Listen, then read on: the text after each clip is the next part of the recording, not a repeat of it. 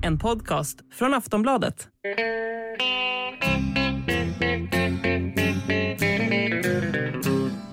Hello out there, we're on the air. It's hockey night tonight.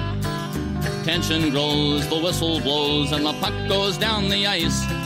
The goalie jumps and the players bump and the fans all go insane.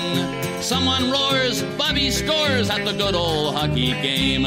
Oh, the good old hockey game is the best game you can name. And the best game you can name is the hallo, hallo, hallo, hallo, hallo, hallo, hallo, hallo, hallo. hallå, hallå! Yes, hallå, välkomna till NHL-podcasten med Jonathan Jonis Ekeliv som vi hörde där i den klassiska hallåramsan på plats hemma i Örby, dit han ju flyttat tillbaka nu.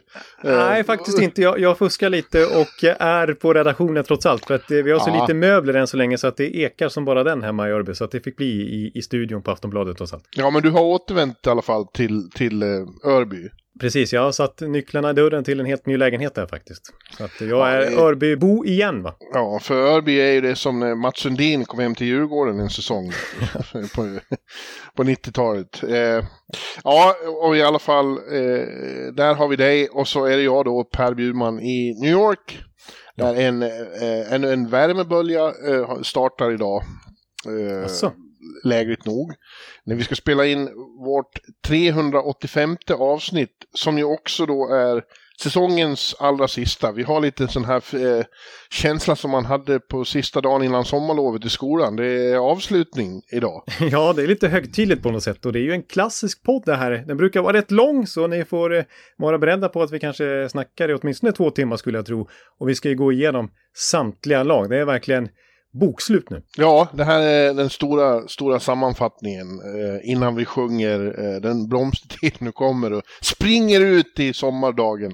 Ja, ja precis. Ja. Ja, och det blir väl kul, Jonathan. Det har varit en lång, lång, lång säsong. Det, vi bör, eh, det är september i fjol började vi ju eh, braka igång med det här igen. Ja, ja, precis exakt. Och, och eftersom att det var en rätt kort off-season senast och den här sommaren, ja, det har varit hockey hela vägen nästan in i augusti nu. Ja, det känns som att vi knappt, ja, vi har pratat i ett streck nu väldigt länge, men eh, så det, det kanske är bra för oss båda trots allt att få en liten andningspaus. Ja, men den blir ju den, kortare, är det den kortaste pausen någonsin tror jag. Ja, ja. i princip bara en månad. Ja, vi är ju igång igen i början av september skulle jag tro, med våra preview-poddar istället då. Ja, och då har vi dessförinnan hunnit med en, en liten sommarpodd när, när vi är samtidigt i Stockholm. Ja, precis. Så det, det är knappt något avbrott ändå då. men eh, det blir inte riktigt lika, det blir inte en gång i veckan i alla fall. Eh, härnäst. Nej. Nej, men nu ska vi som sagt sammanfatta det som har varit. Eh, innan vi brakar igång med det kan vi väl bara konstatera att, att eh, det, efter den där inledande skjutsen i Free Agency-racet, Ja. när det var otroligt dramatiskt och hände, hände fantastiska saker som vi gick igenom i senaste avsnittet, så lugnar det ner sig eh, extremt mycket. Det har droppat in ytterligare några grejer. Eh, till exempel Kalle Järnkrok har skrivit på för Toronto, Mattias Janmark har hamnat i, i Edmonton. Ja. Och, men så mycket är det inte. Vi väntar ju samtidigt dock på två, två tunga namn. Ja. Vibrerar fortfarande ute i luften där på den öppna marknaden. Och det är vår vän John Klingberg då, som fortfarande inte har skrivit på något nytt kontrakt. Och Nassim Kadri som inte heller har gjort det. De avvaktar. Precis, och beroende på vilket lag de skriver på för så det, kanske det förändrar lite bilden av det laget som vi går igenom här kommande timmen, men det får man ha överseende med då. Och skulle det vara så att Klingberg skulle skriva på just de här timmarna som vi sitter och pratar nu, då får vi ta ett litet avbrott och så får du sätta, ja du får börja jobba då helt enkelt. Pappermaskin. Ja, så skulle man säga. Ja, Men det verkar inte så troligt. Det känns som det, det är inga rykten, inget, inget prat alls eh, faktiskt. Jag, jag vet att det, många säger att det var på gång med Seattle, men att eh, eh, det hände inte. Förmodligen för att de inte gav tillräckligt bra bud. Nej, jag tror Klingberg hade rätt höga förväntningar inför den här off-season, att det skulle vara hans stora payday och att han skulle få lite, ja, vad ska man säga, retroaktivt betalt efter att ha varit då underbetalt marknadsvärdesmässigt sett eh, fram till nu.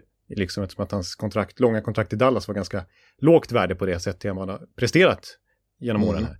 Eh, men eh, ja, nej, det, han är ju 30 bast nu och verkar som att klubbarna ändå håller lite i stålarna, framförallt när det kommer till kontraktslängd kanske för Klingberg, att han kanske inte får det där femårskontraktet med hög lön som han kanske hoppades på.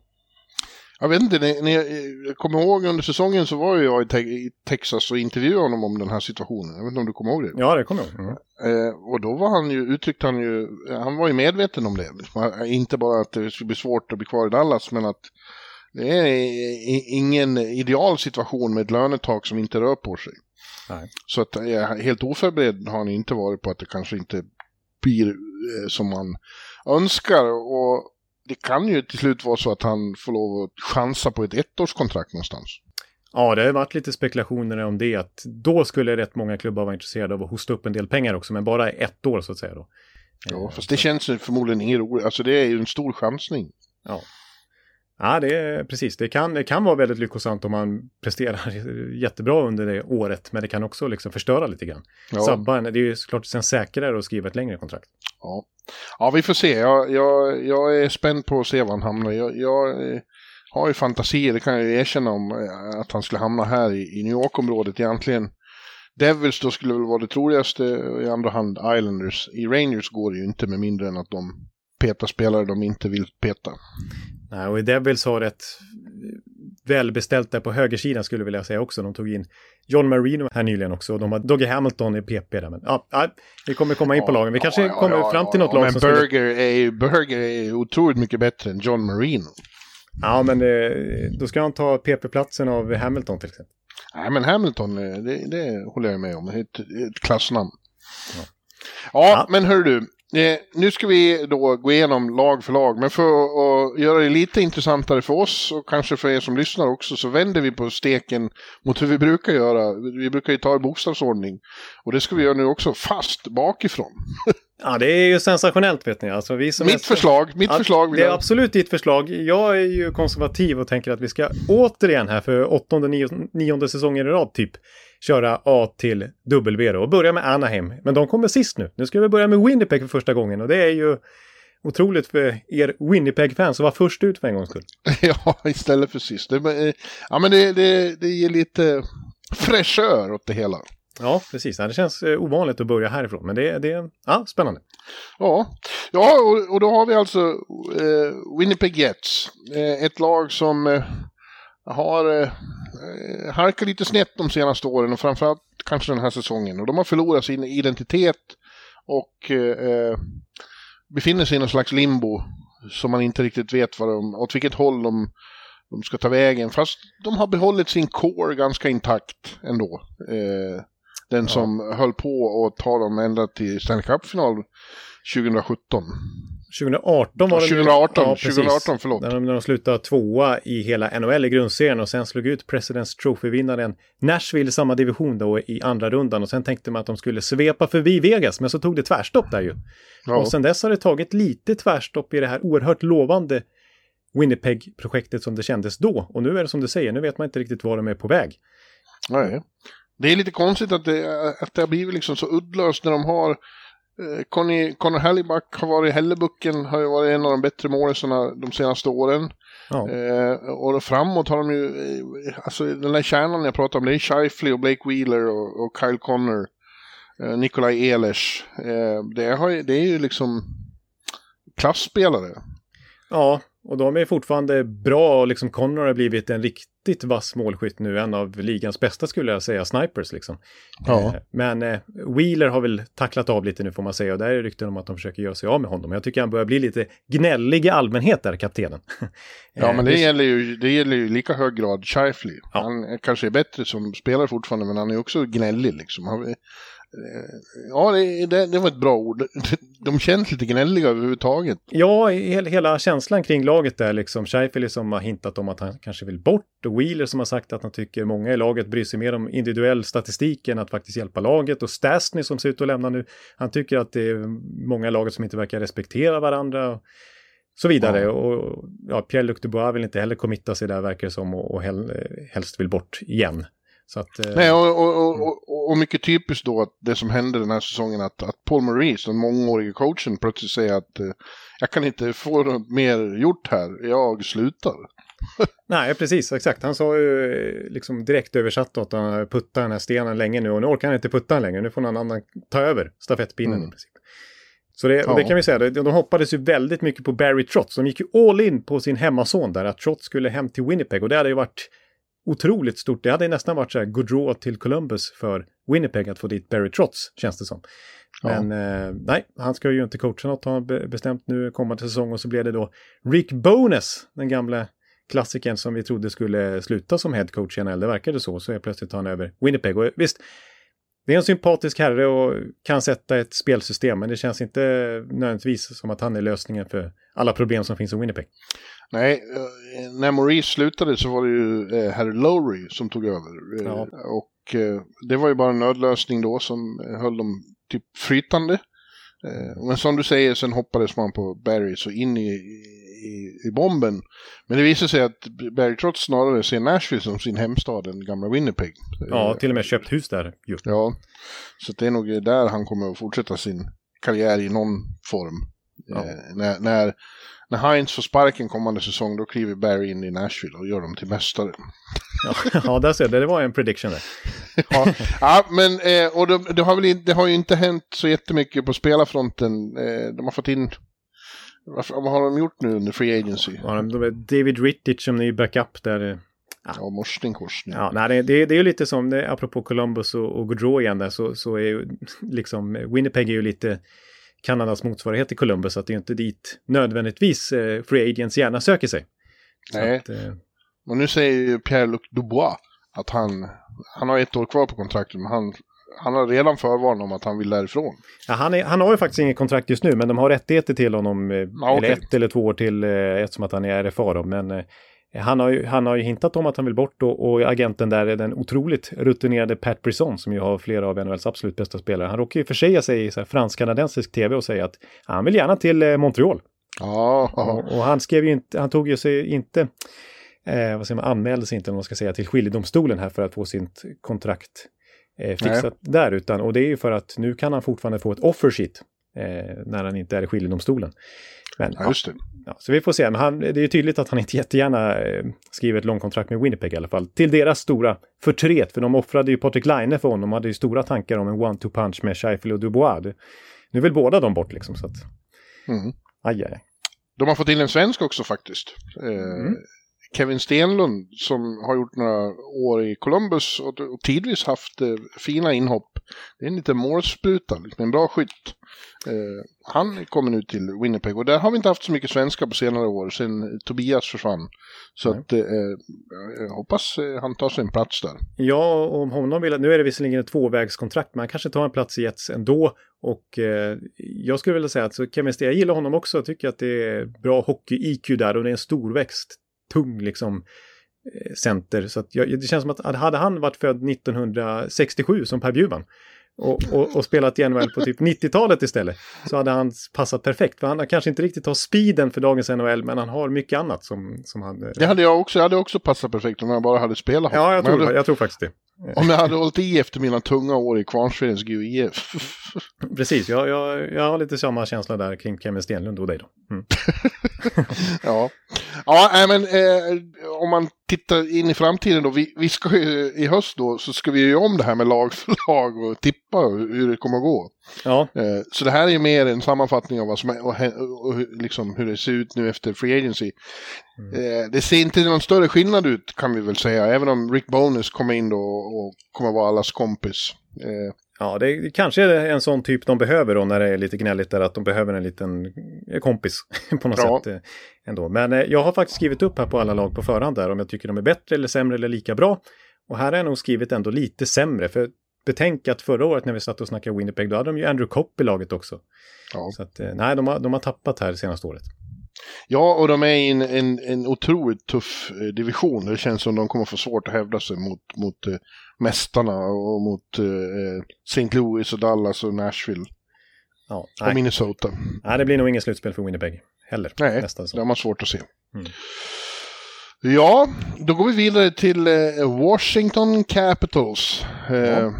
Ska vi Detta- flyga och sånt där som vi gör ibland när Per Bjurman är... Ja, okej, då Ja. det är en ganska lång flight. Även om vi faktiskt... Eh, Nej, det var de inte alls det. Eh, jag var på väg att säga att de var i samma division ett tag. Det var de väl? Eh, när Winnipeg kom in. Southeast Division va? De var nog Ja. det något år, när- precis när Winnipeg tog över efter Atlanta. Det stämmer nog. Ja, de fick behålla Atlantas plats i, i, i Southeast. Och- Så det, det går säkert en direktlinje mellan, mellan eh, Dulles Airport och, och Winnipeg, bara för Capitals skull. Det är en lång resa ner till eh, södern, för att Washington är faktiskt del av södern rent eh, eh, Ja, formellt. Ja. Eh, där har vi då ett lag som, eh, ja, de tog sig till slutspel i år, men det kändes ju ganska givet att de, de fastnade ju liksom någonstans eh, och åkte ur i första rundan och det förstod man nästan att de skulle göra.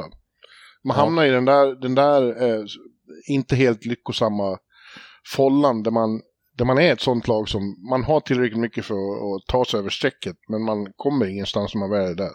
Ja, de, de, deras två första runder, det var först Florida och sen hade de fått möta Tampa då i andra rundan. Så att, Ja, men det var inte så. Florida slog ut dem. Ja. Eh, och eh, det känns ju som de liksom långsamt glider åt fel håll. Eh, det är så det gör. De är ju gamla liksom. Och de har fortfarande sin jävla eh, målspruta där framme som jag knappt vill nämna. Eh, Nej. Putins reklampelare. ja, eh, och han fortsätter ju mål. Eh, Ja, han gjorde över 50 förra säsongen igen, för nionde Ja. gången i karriären. men det konstiga är att det känns ju nu som att det handlar inte om att det är för lagets bästa utan, hans, utan att han ska komma ikapp en massa rekord.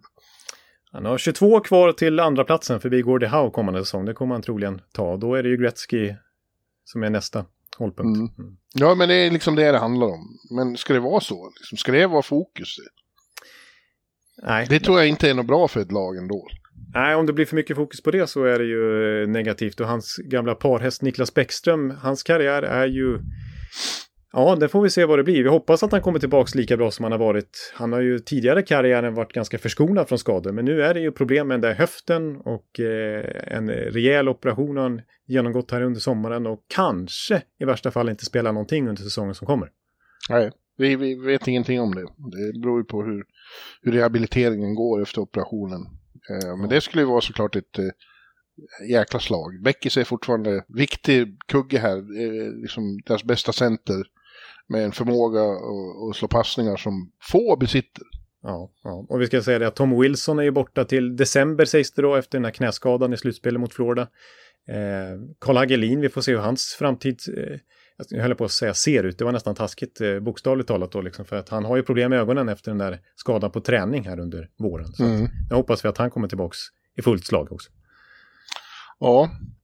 Eh, ett sänke i år var ju också att de hade eh, målvakter som inte höll i, i Samsonov och Vanecek. Det var ett av de sämsta paren i, i ligan.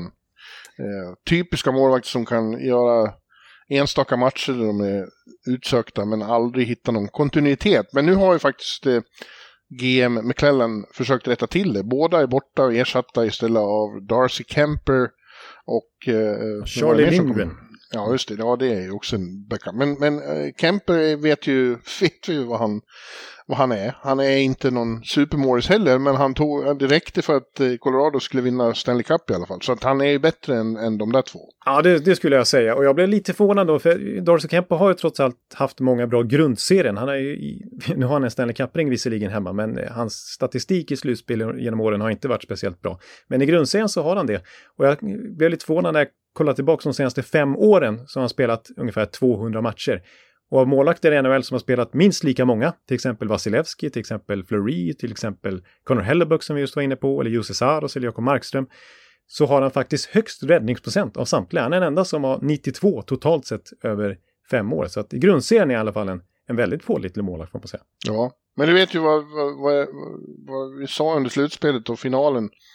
Eh, han, han är ju faktiskt den första, tror jag, mästerskapsmålisen, om inte någonsin så i alla fall i modern tid, som inte fick en enda Conn Smythe-röst av någon. Inte etta, tvåa, trea, ingen nämnde eh, Kemper. Det är Nej. ganska otroligt. Och, och, och, och känslan var ju att Colorado vann trots Darcy Kemper, inte tack vare. Nej, nej verkligen. Alltså det, det närmaste jag kommer på i närtid är väl kanske Antiniemi i Chicago då, men Ja. han var trots allt helt okej tycker jag, det slutspelet. Ja, men, ah, Kemper var inte så usel var han verkligen inte, men, men nej, pratar mycket om det, att, att de vann trots honom. Liksom, så att, Ja. Nej, men eh, känslan är... eh, Det går långsamt åt fel håll. De kommer väl inte att kanske ramla ner i källan. Men de kommer vara runt strecket och konkurrensen skärps runt omkring dem. ja, det blir nog Eh, jämnare, ännu tuffare för dem att ta sig till slutspel i år än vad det, för de, det var ju ändå ganska bred marginal till strecket till slut eh, i fjol med tanke på att ja, Islanders till exempel var borträknade tidigt och sådär. Ja. Eh, men, eh, men det blir nog tuffare nu. Och här ska du få en prediction gällande Washington för mig. Eh, Ja. Innan jul har Peter Lavaliette fått sparken och blivit ersatt av Mike Babcock. Oj! Det vore kontroversiellt. ja, ja. Men jag tror att de blir liksom, jag tror att McClellan säger fuck it. Eh, vi behöver Babs. oj, oj, oj, oj, oj, oj. Ja. Men Lavi är ju så här, liksom, han är ju ofta en, en frisk fläkt när han kommer in. Ja. Men det går ofta i stå redan efter ett par säsonger och det känns liksom så här, ja, en axelryckning känns hans coachning som. Ja, det är möjligt att, att de har nått det snart i Washington, för det har du helt rätt i att tidigare klubbar han har varit i så har det kört fast ganska ordentligt när det väl har kört fast. Liksom, så att, eh, det, det Ja. kanske, nu har han ändå varit i, i Washington i ett par år. Jag vill dock säga att jag tycker de har gjort vissa bra drag här i sommar. Kemper är ett, Connor Brown som de fick ganska billigt från Ottawa, tycker jag är en allround-spelare och bra eh, kortsiktig ersättare här till Tom Wilson under hans skadeperiod och, och sen eh, bra breddspelare för dem. Eh, och Dylan Ström kan vi säga som någon slags ersättare till Niklas Bäckström. Eh, ja, han har, ju- han har ju sett som en riktig bust. Och det är Ja. klart, han är verkligen ingen Niklas Bäckström. Man hade höga tankar om honom då 2015 när han gick efter McDavid och Eichel i draften och sen som trea Dylan Ström. Och så har han inte alls levt upp till de förväntningarna. Men ja, ganska bra säsong i Chicago i fjol. Underliggande siffror pekar på att det liksom inte bara är så att han spelar med Patrick Kane eller bra spelare, utan han är lite av en playdriver. Han, han klarar av att skapa en del själv. Sen har han inte riktigt speeden. Eh, Men eh, Nej, kom inte här till mig och säg att Dylan Strome är någon slags lyft. nej, nej, nej, nej, det, det, det, det, det vore en överdrift. Det- Ja, vad håller du på med? Ja, nu får jag, nu får jag tysta ner mig.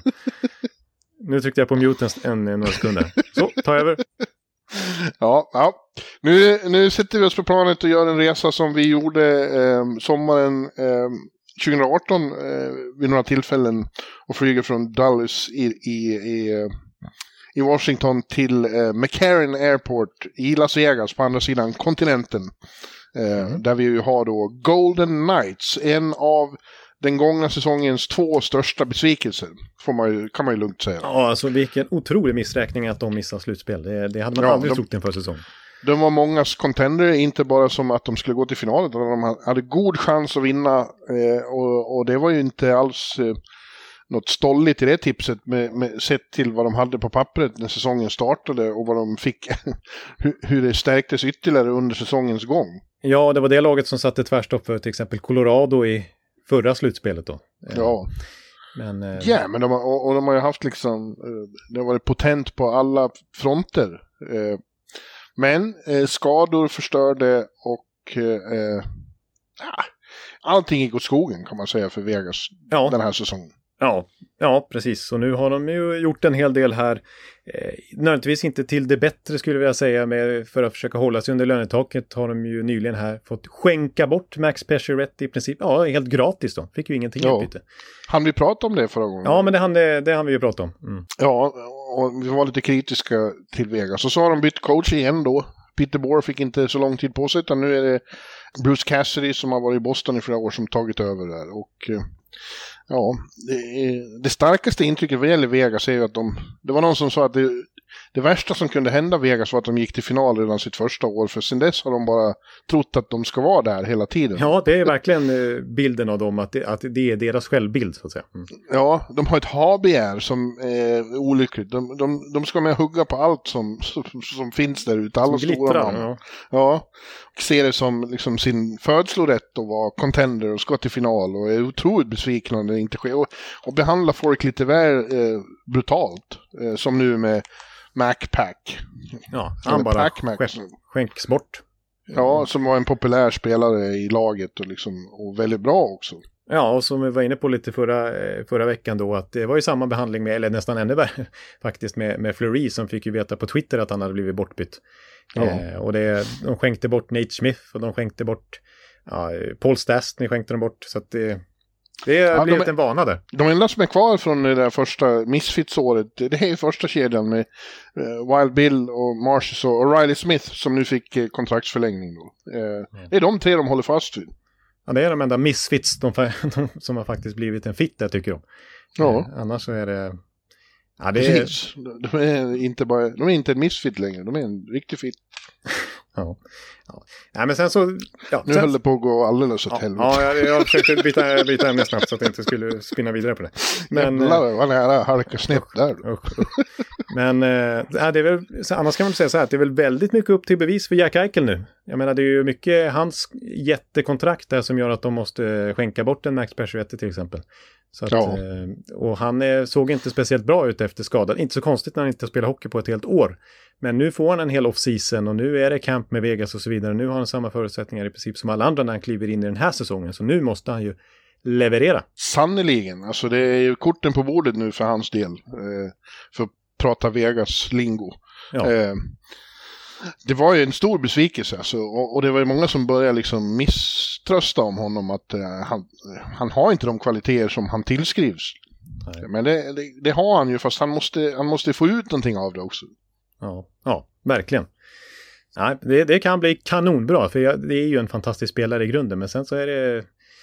Ja, sen kan man fråga där om han har hjärnan för att verkligen uppfylla sin potential, så att säga.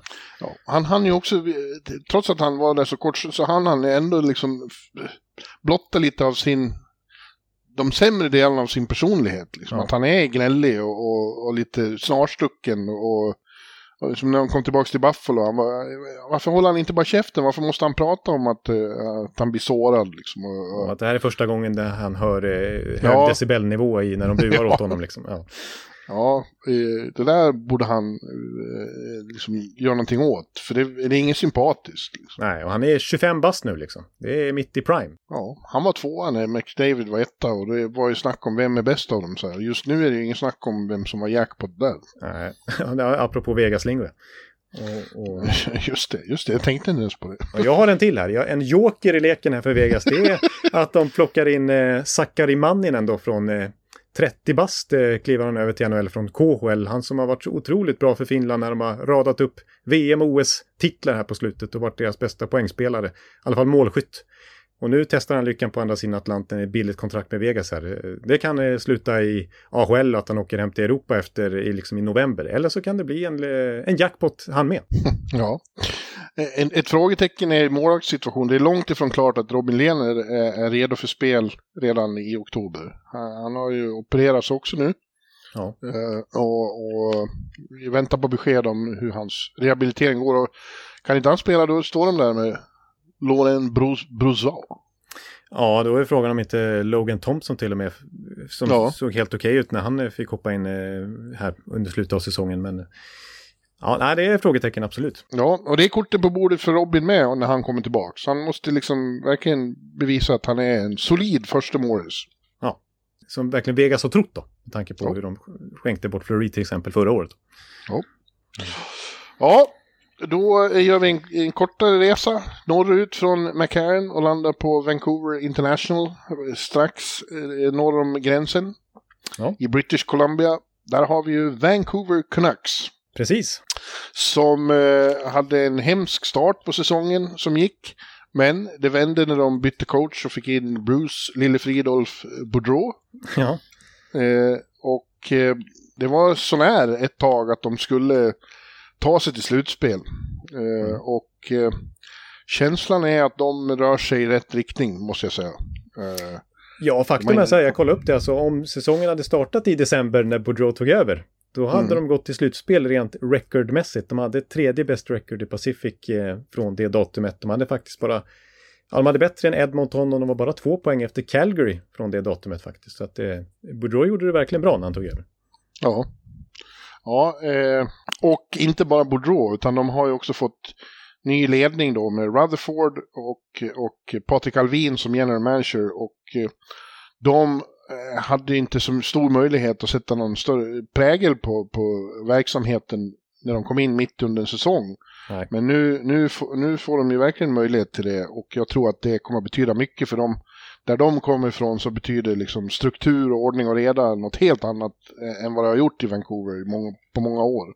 Precis, och de, det kanske inte varit jättestora ingrepp i truppen än. Vi har lite att prata om, men, men de har också liksom varit noga med faciliteter och med AHL-klubben och liksom hela strukturen i organisationen så att säga. Ja. Ja, den är ju tipptopp i Pittsburgh och det beror ju bland annat på dem. Och jag tror att de vill... Eh... De börjar i rätt ände så att säga. Ja, ja precis. Det vänder ju inte på, på en natt, men, men eh...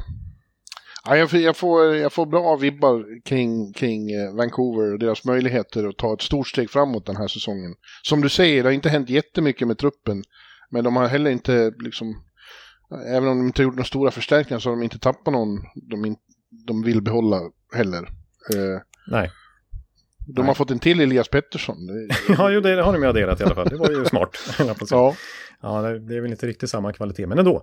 Eh, och apropå Elias Pettersson så tror jag att de kan räkna med honom från start på ett helt annat sätt i år. Visst, han var med från start också, men inte liksom i poängproduktionen. Men när Boudreau tog över fick ju han ett verkligt lyft och framförallt under våren var han ju stekhet, Elias ja. Pettersson. Så att kan han hålla den vårnivån redan från hösten här nu, då är det ju Eh, då är det en väldig förstärkning kan man säga. Ja, jag tror, jag tror att det har varit väldigt bra för honom och har gått igenom eh, en period i karriären där det har varit motigt och att han har lärt sig av det. Eh, mm. det, kommer han att ha stor nytta av i framtiden och, och ja, han sa ju på slutet att han kände igen sig själv igen och, och eh, att han fick sluta med liksom, att självförtroende var på topp, det tror jag betyder mycket för den här sommaren och hur han kommer att komma in i den här säsongen som väntar nu.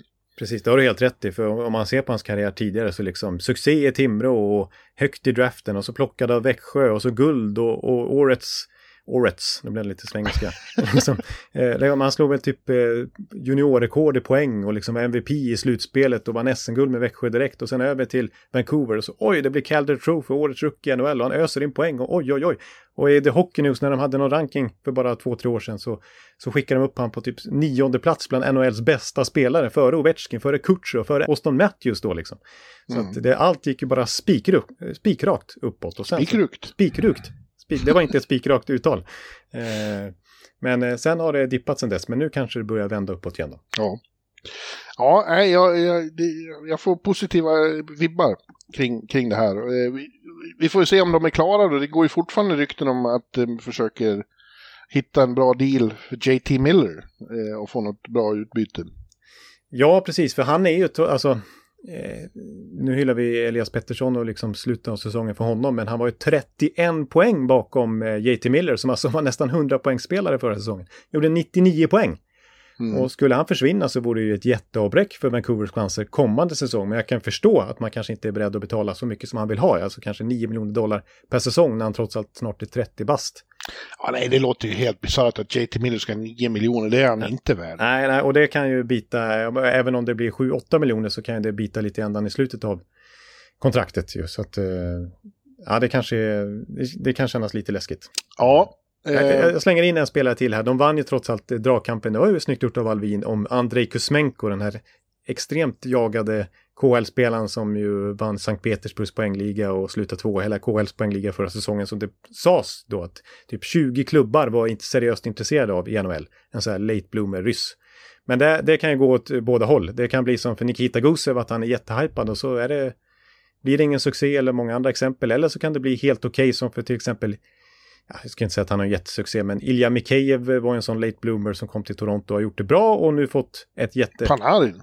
Pan, ja, Panarin, ja, Panarin, ja, verkligen Panarin. Eh, det är väl ett jättebra exempel. Men jag tog Mikhejev nu bara för att han har ju signat precis med Vancouver ja, på ett ganska ja, fett kontrakt, nästan 5 miljoner dollar, skrev Alvin med honom. Och det var också en typ sån Kuzmenko-spelare som kommer över, så att de hoppas ju att... Och Kuzmenko är nog tänkt för att eh, testas i första kedjan, i alla fall i början. Vad hette, vad hette han ryssen som var i Vegas som det inte blev något av? Ja, Shipashov. Ja, just det. Tre matcher som var borta. du, du, du gillar att säga Chippashow, det hör man. Chippashow. Apropå att behandla spelare bra eller dåligt i Vegas då. Ja. Han, han, han kastar dem under bussen. Eh, de har också eh, uppsida tycker jag på målvaktssidan. Thatcher Damko är, är, inte den yttersta eliten i NHL men han är ganska nära. Det, är, det finns väldigt potential där. Ja, det känns som att han är typ så femma, sexa, sjua någonstans i NHL. Ja, så pass ja. högt eh, ligger han. Det, det, är en, det är en jättebra målvakt. Ja. Däremot så vet man inte hur det ser ut på målvaktsfronten i nästa lag vi ska titta på när vi flyger tvärs över eh, kanadensiska nationen och landar på andra sidan i Ontario i nationens största stad, Toronto. Eh, där vi har det största, populäraste laget i, i norr om gränsen, eh, kända som Maple Leafs. Ja. Eh, de eh, har ju, det är ju den stora grejen som har hänt nu skulle jag vilja påstå, eh, off-season, att eh, de eh, har visat oss att de tänker bli Philadelphia Flyers vad gäller målvakter. Ja, alltså, ja, tänk att vi satt och, och, och liksom eh, pratade problem på målvaktssidan för Toronto för bara eh, något år sedan här med Fredrik Andersen och Jack Campbell som målvaktspar. Och nu eh, kommande säsong så kommer det vara Matt Murray och Ilja Samsonov. Ja. ja. Ja, vi var ju inne på det här redan förra veckan. Jag fattar inte det här alltså. Eh, men, det, ja, vi sa ju då att kanske vet de något som inte vi vet. Vi får väl hoppas det. Liksom. För att resten av det här laget befinner sig ju i precis rätt situation skulle jag vilja påstå. Ja, de, de ska ju vinna Stanley Cup är förhoppningen. Mm. Ja, de är liksom, börjar komma i samma läge som Tampa har varit och som Colorado har varit innan de har liksom har lyft. Att eh, det har varit tillräckligt mycket heartbreak nu för ett otroligt potent lag. Ja. Men, men när de tar in Matt Murray som tänkt första målvakt, en, en, en flopp. Ja. Sen han vann två Stanley Cup med Pittsburgh för ganska länge sedan nu. Ja. Uh, så känns det som att de, alltså de, de trippar sig själva. Nej, det, det, det känns som, som att uh, Kyle Dubas åker ut på isen och, och, och sätter klubban mellan skridskorna på Austin Matthews. Här ska du få. Ja, ja, lite så faktiskt. Och det är som vi sa förra veckan också, att om det skiter sig nu med Matt Murray som verkligen är en Kyle Dubas-värvning, det är ju hans gamla The Zoo-adept där i Zoo Greyhounds ja. som han hade i juniortiden och så vidare. Eh, och det är egentligen bara han som fortfarande tror på Matt Murray känns det som. Och målvaktstränaren där som också var med i The Zoo och så vidare. Men om det återigen blir målvaktssidan som blir akilleshälen för Toronto så då är det ju, då är Kyle Dubas nio liv borta. Ja, ja, vi sa ju det. Han krattar för sin egen avgång med, den här, med det här ingreppet. Ja. Och sen ska, ja. sen ska vi komma ihåg, nu har de gjort eh, liksom, läkarundersökningar på Murray innan den här traden, men han har ju haft, det är också det, liksom skadehistoriken efter de där Stanley Cup-åren i början av karriären. Han har ju haft flera hjärnskakningar, det har varit ljumskproblem, det har varit nackproblem och så vidare, så att det är inte bara kvaliteten utan det är också skadehistoriken där som man kan ifrågasätta. Ja, och så, så Samsonov då som ju eh, ska vara, han, är, han har ju också varit en flopp. Liksom. Ja. Stor, stor talang, men en av de få ryska målvakter som, som det inte har blivit något med. Nej, precis. Man hade ju, jag skulle nästan vilja säga att han var Sjestjorkin-hypad när han kom över. Han gick ja. i första rundan och, och, han stod två JVM för Ryssland och så vidare.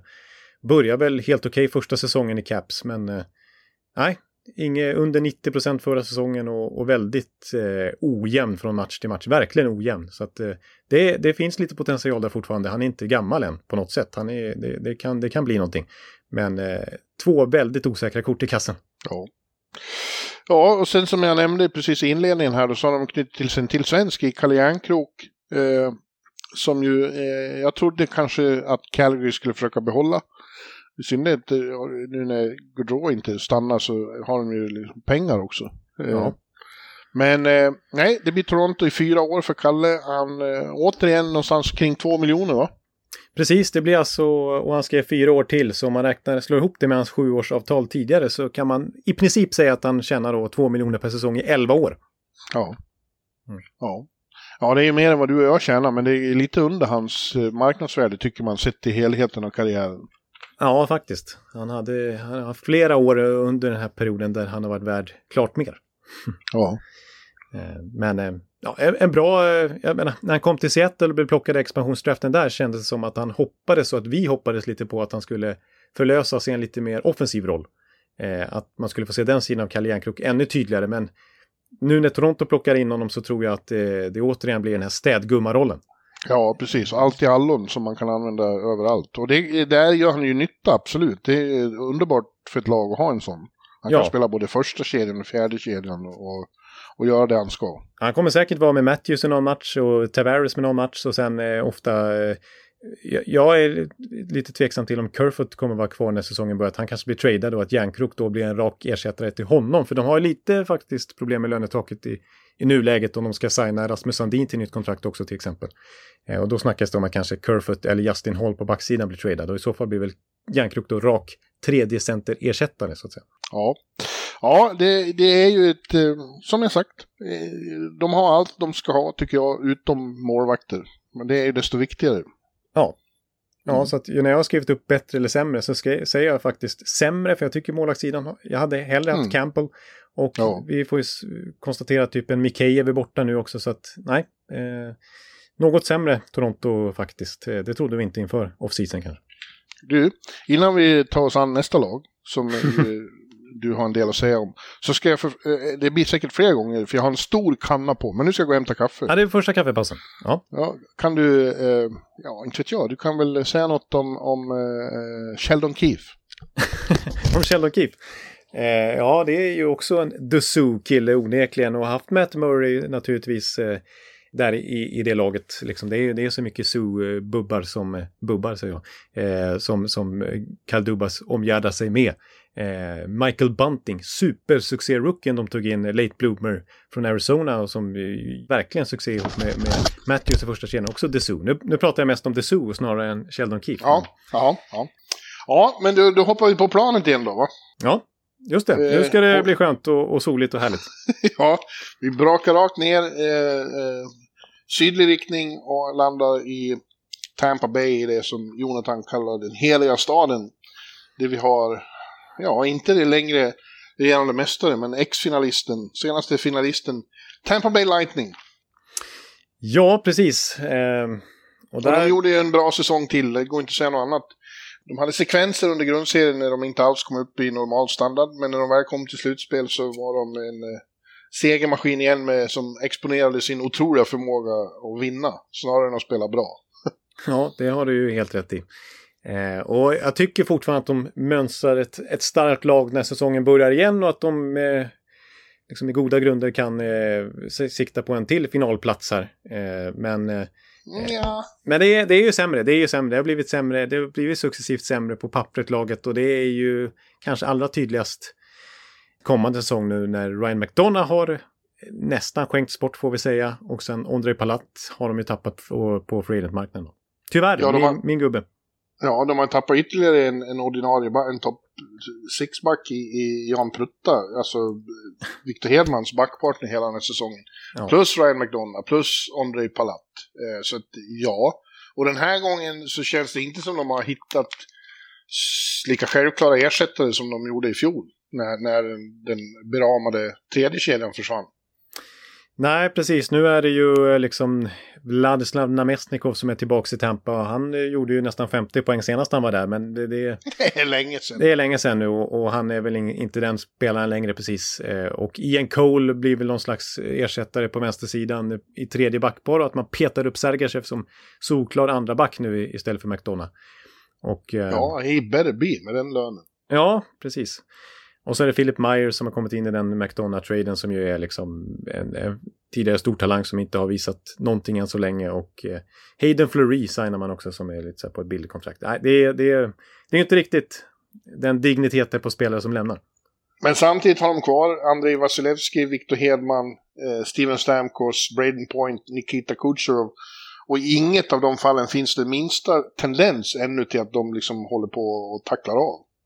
Nej, Hedman kommer från sin bästa säsong i karriären. Stamkos kommer väl från sin bästa säsong, i alla fall näst bästa säsong i karriären. Eh, Braden Point var inte ens med i slutspelet, så det kan man se som ett sparkapital.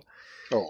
Eh, Så det, det är klart att de fortfarande är ett topplag och, och bra och kommer att vara svåra att slå. Men om de lyckas ta sig till en final till, well, det får vi se. nej, Det, det, är- det ska ju slängas in en brasklapp här i allt det här vi pratar om vad som kommer hända. Dels är inte trupperna spikade helt och hållet än.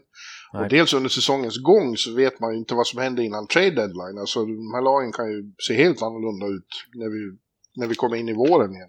precis, och Brisbois som väl är liksom, eh, han är ju en matematiker ute i fingerspetsarna och hö- högutbildad och otroligt skicklig på, på att hitta kryphål, det vet vi ju. Eh, Mm. han kom, jag tror att det, det kommer dyka upp någon stjärna, åtminstone vid deadline för Tampa. Som kommer vara en tydlig förstärkning. Säkerligen. På något sätt. Säkerligen. Ja. Mm. ja.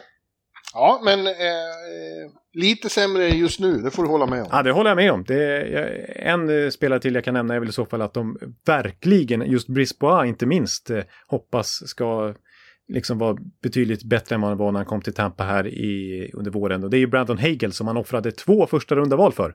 Och så var ingen riktig liksom boost i slutspelet. Eh, Nej, det var han inte. enda målen han gjorde var i princip i öppen kasse.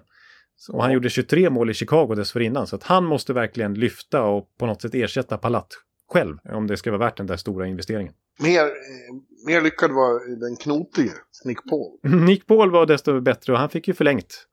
På ett Kalle Järnkrok-aktigt sätt. Sju år, Mm. tre miljoner dollar. Ja, ja. Jag tror att de där spelarna som kommer dit vi väldigt gärna vill vara kvar, för det är ett underbart ställe att bo på. Eh, och vara på. Fortsätt, Eh, fortsätt. ja, men det är väl klart det liksom om man kommer från fucking Ottawa och, och får bo liksom i, ett hus vid en kanal och det är alltid varmt och man går i shorts året runt. Skattelättnader och allt det. Ja, ja, ja. ja. Synnerhet när man kommer från Kanada. Ja. Ja. Men du, då eh, gör vi en långflygning igen. Så en av de längsta man kan göra nästan är från Tampa till Seattle. Eh, Ja. och då, ska man säga något positivt om det för att koppla ihop med Vegas så, så behöver de inte bekymra sig om att det gick för bra första säsongen i alla fall. Nej, nej, oj, oj, oj, vilken missräkning det var. Nästan sist i hela NHL. Och då Ja. eh, verkar det ändå som på Ron Francis att eh, de skulle vara relevanta från start utifrån hur han agerade i expansionsdraften. Det så var det ju tänkt, absolut. Mm. Eh, du tippade dem i slutspel och det tror jag de gjorde själva också. Eh, ja, jag gjorde ju faktiskt det. Och jag, det var ju utifrån att jag tyckte att de hade så mycket så andra tredje kedjespelare och andra tredje backar att det kändes som att de kommer vara jobbiga att möta när man kommer in i, i, i eh, januari, februari. Liksom. Att de kommer eh, nöta ner motståndarna. Och liksom underliggande siffror visar att de var svåra att skapa chanser mot. Det var ganska täta matcher egentligen. Men, men de hade, var väldigt uddlösa att göra mål framåt. Och eh, Philip Grubauer var ju ligans sämsta målvakt, överraskande nog ja. i Seattle. Alltså eh, goal saved above average, alltså minus 25. Han borde ha räddat 25. Han borde ha släppt in 25 mål färre än han gjorde och det var han ju överlägset sämst med i NHL. Ja. ja, eh, men jag är inte förvånad. Jag har ju hela tiden sagt att han är överskattad. Ja, precis. Och du fnös åt att han eh, blev nominerad till Vessina förra året. Då, Ja, Eh, det gjorde jag. Och Och inte, det blev inte mycket bättre när de slängde in eh, Chris Driedger som vi också hade väldigt eh, högt anseende efter sin tid i Florida. Ja. Nej, han var ju ingen vidare han heller. Båda var väl under 90 procent och Grobar klart under 90 procent när det kommer till det. Eh, och nu känns det som att de har agerat lite panikartat. För visserligen Dreger skadade sig i VM-finalen och är borta länge då. Men då har de tagit in två nya målakter som ersättare. Eh, och det är ju dels eh, Martin Jones av alla, om nu han ska bli någon förstärkning. Hallå, hallå. Ja, precis. Och sen är det Magnus Hellberg som ju kom över från KHL till Detroit i slutet av förra säsongen och nu faktiskt fått ett envägskontrakt av Seattle. Så att de har ju, och så har de faktiskt Joey Dacord på ett envägskontrakt sedan tidigare. Så räknar man in Dreger också så är det fem målvakter på envägskontrakt i Seattle. Ja, de fick ju liksom eh, delvis montera ner det lag de hade. De, de tradade iväg Giordano och, och, och, och Järnkrok och, och Johansson och, What och vilka fler. Blackwell Ja. och Ja. Mason Appleton. Och... Ja, så det, det, det är någon slags nystart nu då, men och, och lite bra saker. Ja, André Burakovsky blir ju, som vi pratade om förra veckan, han får ju en större roll där. eh, och det är bra för honom, men jag vet inte om det är liksom känns som att oj, nu lyfter det för Seattle. Nej, nej, det tror inte jag heller. Men som sagt, vi pratade mycket Burakovsky förra veckan och jag lyfte återigen, började snacka avancerad statistik och, och liksom points per 60. Och i och med att han inte har spelat så mycket i varken Washington eller Colorado så har han ju presterat extremt bra sett till de förutsättningarna. Och point per 60, så under Colorado-åren, de tre säsongerna där, så gjorde han, alltså- han alltså högst snitt per spelad. Ja, han kommer, absolut, det kommer bli bra, men ja. Eh, Ja. jag vet inte vad jag ska säga. Eh, de hade behövt ytterligare någon liksom riktig killer. Ja, ja. För Ja, det var ju det som saknades och de gjorde ju för lite mål. De hade ju ingen riktig avslutare. De har ingen världsklass-spets i den där truppen. Nej, de har många bra spelare men väldigt lite rikt, riktig, verklig spets. Så att säga. Ja, Så är det ju. Eh, och det räcker ju inte i NHL. Det har man ju märkt. Du måste ha några go-to guys liksom. Eh. Och så har de en coach som inte är något vidare heller. I, i, i, vad heter han? Dave Hackstall. Ja, nej. Det är ju, det är ju ingen... Det är bara obegripligt när de anlitar honom och det är obegripligt att de behåller honom. ja, precis. Det som jag skulle säga som positivt i alla fall, utöver Burakovsky den här sommaren eh, för Seattle, det är ju då att, att de som en skänk från ovan fick Shane Wright i, i draften. Ja. Med, med fjärde valet och han som av de flesta tippades gå som nummer ett till Montreal hamnade som fyra till Seattle. Det kanske säger någonting visserligen, men eh, det finns ju en väldig potential där och potentiellt sett så har de ju en riktigt fantastisk one-two punch eh, kommande decenniet i Shane Wright och Matty Beniers. För Beniers som gick tvåa totalt sett i draften förra året och Seattles första draftval i organisationens historia. Han mm. visar ju fantastiskt fina tendenser på våren när han fick hoppa in i tio matcher på slutet och gjorde nio poäng och förmodligen startar kommande säsong som första center. Kanske med Andrei Burakovsky in till sig. Det är åtminstone spännande över tid, men, men det är ju, de två kommer inte göra jätteskillnad redan tror jag. Nej. Men, ja, vad, vad, skulle du säga, de bättre eller sämre?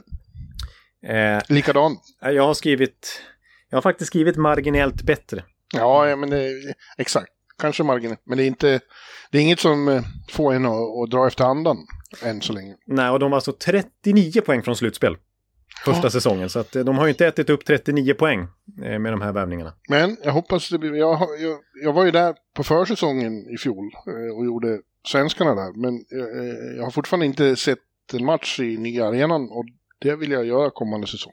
Så jag vill att Burra gör succé och så jag får åka dit och hänga där. Ja, det vore ju något. Mm. Ja. Mm.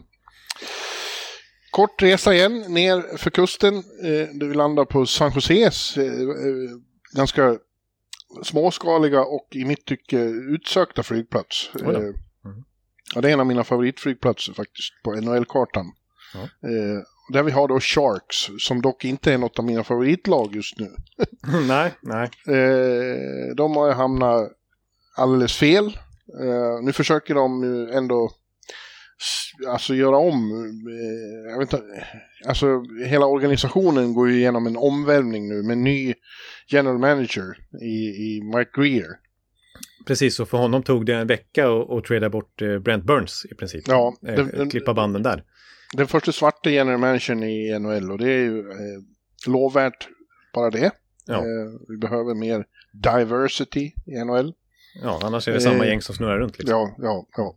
Men de har fortfarande ingen ny coach. Han, de sparkade ju också, det var innan han, de hade anlitat honom, men han var säkert inblandad i det ändå. Eh, mm.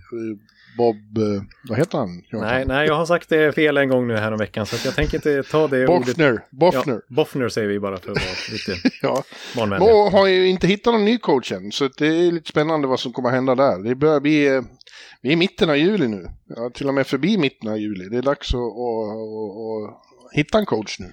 Åtminstone tidigare har ju ryktats om att Mike Greer har pratat med David Quinn. Och det vore ju ingen jätteförstärkning känner jag. Nej. Nej, Nej. vi får se. Mm. Men, eh, ja, eh, vi, det har inte blivit något bra för San Jose sista åren. Det, det som var så, eh, alltså så sent som 2019 var de ju faktiskt i konferensfinal. Precis, och liksom eh, Erik Karlsson var ju eh, ny i truppen då liksom och det, det var ruggig firepower i det där laget ju. Mm. Eh, de var några år yngre, den där kärnan också. Men nu, eh, nej, nu har det gått väldigt utför och ja, liksom det här Thornton, Pavelski, Marlowe-gänget är ju borta. Eh, ja, och, nu är Burns också. Och nu är till och med Burns borta också. Och, och, grejen är liksom att de kan inte tanka totalt heller, för de lyckas, de kommer inte bli av med Erik Karlssons stora kontrakt och Vlasic går inte att trada bort och sådär. Så att, och de är fortfarande rätt bra, så att de, de, de kan inte bli riktigt, riktigt dåliga heller så att de kan få jättehöga draftval. Eh, Nej. Jag tror att det finns stora förhoppningar och även jag har de förhoppningarna. Att det finns ett till lyft kvar Erik Karlsson. Jag, jag, jag, jag vägrar tro att han är liksom eh, färdig. Ja, men en, en, en skade... Han har fått en lång sommar och helt, helt skadefri. Eh, ja. han, var, han var bra förra säsongen när han var skadefri. Det, då såg man ju lite tendenser av den gamla Erik Karlsson. Och nu när Brent Burns dessutom är borta är ju han solklar första back i PP till exempel och den som ska ratta där. Och, och offensiva ja. situationer överhuvudtaget. Jag vågar nästan slå fast att en skadefri Erik Karlsson gör minst 50 poäng. Kanske till och med 60 poäng kommande säsong, slår jag fast. Oj, oj, mm. ja. Det, det vore ju ett lyft på alla sätt och vis. Ja. Men de, de, de känns inte som att de är med och, och hotar om någon slutspelsplats. De är i någon slags halv-rebuild ändå. Ja, precis. Eh, det är inte jättespännande nyförvärv i övrigt. Eh, Mike Rear har sagt att han vill ha ett, att de ska vara tuffare att spela mot. Det ska vara jobbigt att möta Sharks så att det ska vara profilen, den röda tråden i nyförvärven som han gör. Och det har man sett lite grann med så här Luke Cunnin som har kommit in och Oskar Lindblom faktiskt. Han kanske inte ses som en tuff spelare så, men han är han är... Han är ju lite gritty det. Han är liksom en hår, hård jobbande Exakt, och stark i sargduellerna. Jag vet inte om det är Ja. många svenskar som har starkare handleder än vad han är. För att han kan ju verkligen komma ur sargduellen med, liksom, med kontroll på pucken med bara en hand och liksom hålla bort två motståndare med den andra. Han, han är... Mm. Så att kan han komma igång igen, liksom så som det såg ut innan cancern då, då, är, då har ju Lindblom fortfarande potential att bli någonting alltså. För det, det finns ju mycket hockey i den killen. Ja, verkligen. Eh, kan också konstatera då, jag vet inte hur mycket vi pratade om det senast, men att Jonathan Dahlén fick ju inte något nytt kontrakt där och han har inte fått något annat heller. Nej, Eh, och det börjar kännas som att det, det kanske blir eh, return to Sweden. Ja, lite synd, för där finns det också mycket hockey känner jag. Eh, I Jonathan. Dahlén. Eh, och han började väldigt lovande ju under Ja, hösten. Eh, och blev hyllad av denne Boffner. ja men han... Eh, eh, Greer eh, beskrev ju honom som att han inte passar in i profilen han vill skaffa laget nu. Nej, han var då uppenbarligen inte tillräckligt hårt jobbande eller sådär som mellan raderna då. Eh, liksom. att och han köpte ut Rudolfs Balsers tyckte jag var lite konstigt också. Som ändå har viss kvalitet som de bara... Ja, det finns för få Rudolf tycker jag. Ja, precis. Bara namnet. ja. Nej, så jag är lite förvånad över Mike Rear, alltså så här fyraårskontrakt till, till Matt Benning, liksom, som ska spela i tredje paret förmodligen. Han är inte bättre än så. Treårskontrakt till Nico Sturm som var lite in och ut i laget i Colorado som de inte hade några problem att, att skeppa bort. Eh, Ja, det är lite konstiga moves av Mike Rear vill jag säga. Vissa bra moves också. Så att blandat och gett här första tiden i San Jose. Ja, men han är ju helt ny så det, jag ska inte Nej. sätta något betyg. Du, jag måste... Jag vet att du är känslig för det här med ljud och så, men nu börjar det bli så hett här inne så jag måste sätta på fläkten lite grann. Ja, ja, vi får se om, om den går att eh, liksom klippa bort lite i ljudet här. Vi får se. Hörs det mycket? Nej, jag hör ingenting just. Nej, då så. Det är bra. Bra. Ja. Eh, ja, Då ska vi Men, ut och eh, resa igen eller? ja, vi gör väl det. Vi, vi tar och gör den resan som de gjorde i konferensfinalen 2019 då, flyget till St. Louis. Ja. Bra segway där. Mycket bra. Rutinerat. Ja. Jag gjorde den själv, det var inte så enkelt. Det var ju mellanlandningar och skit för att ta sig till St. Louis. Ja. Eh, och där landade vi på Lambert som ju är en, en mycket klassisk flygplats därför att det var där bröderna Wright startade hela flygindustrin i USA. Ja.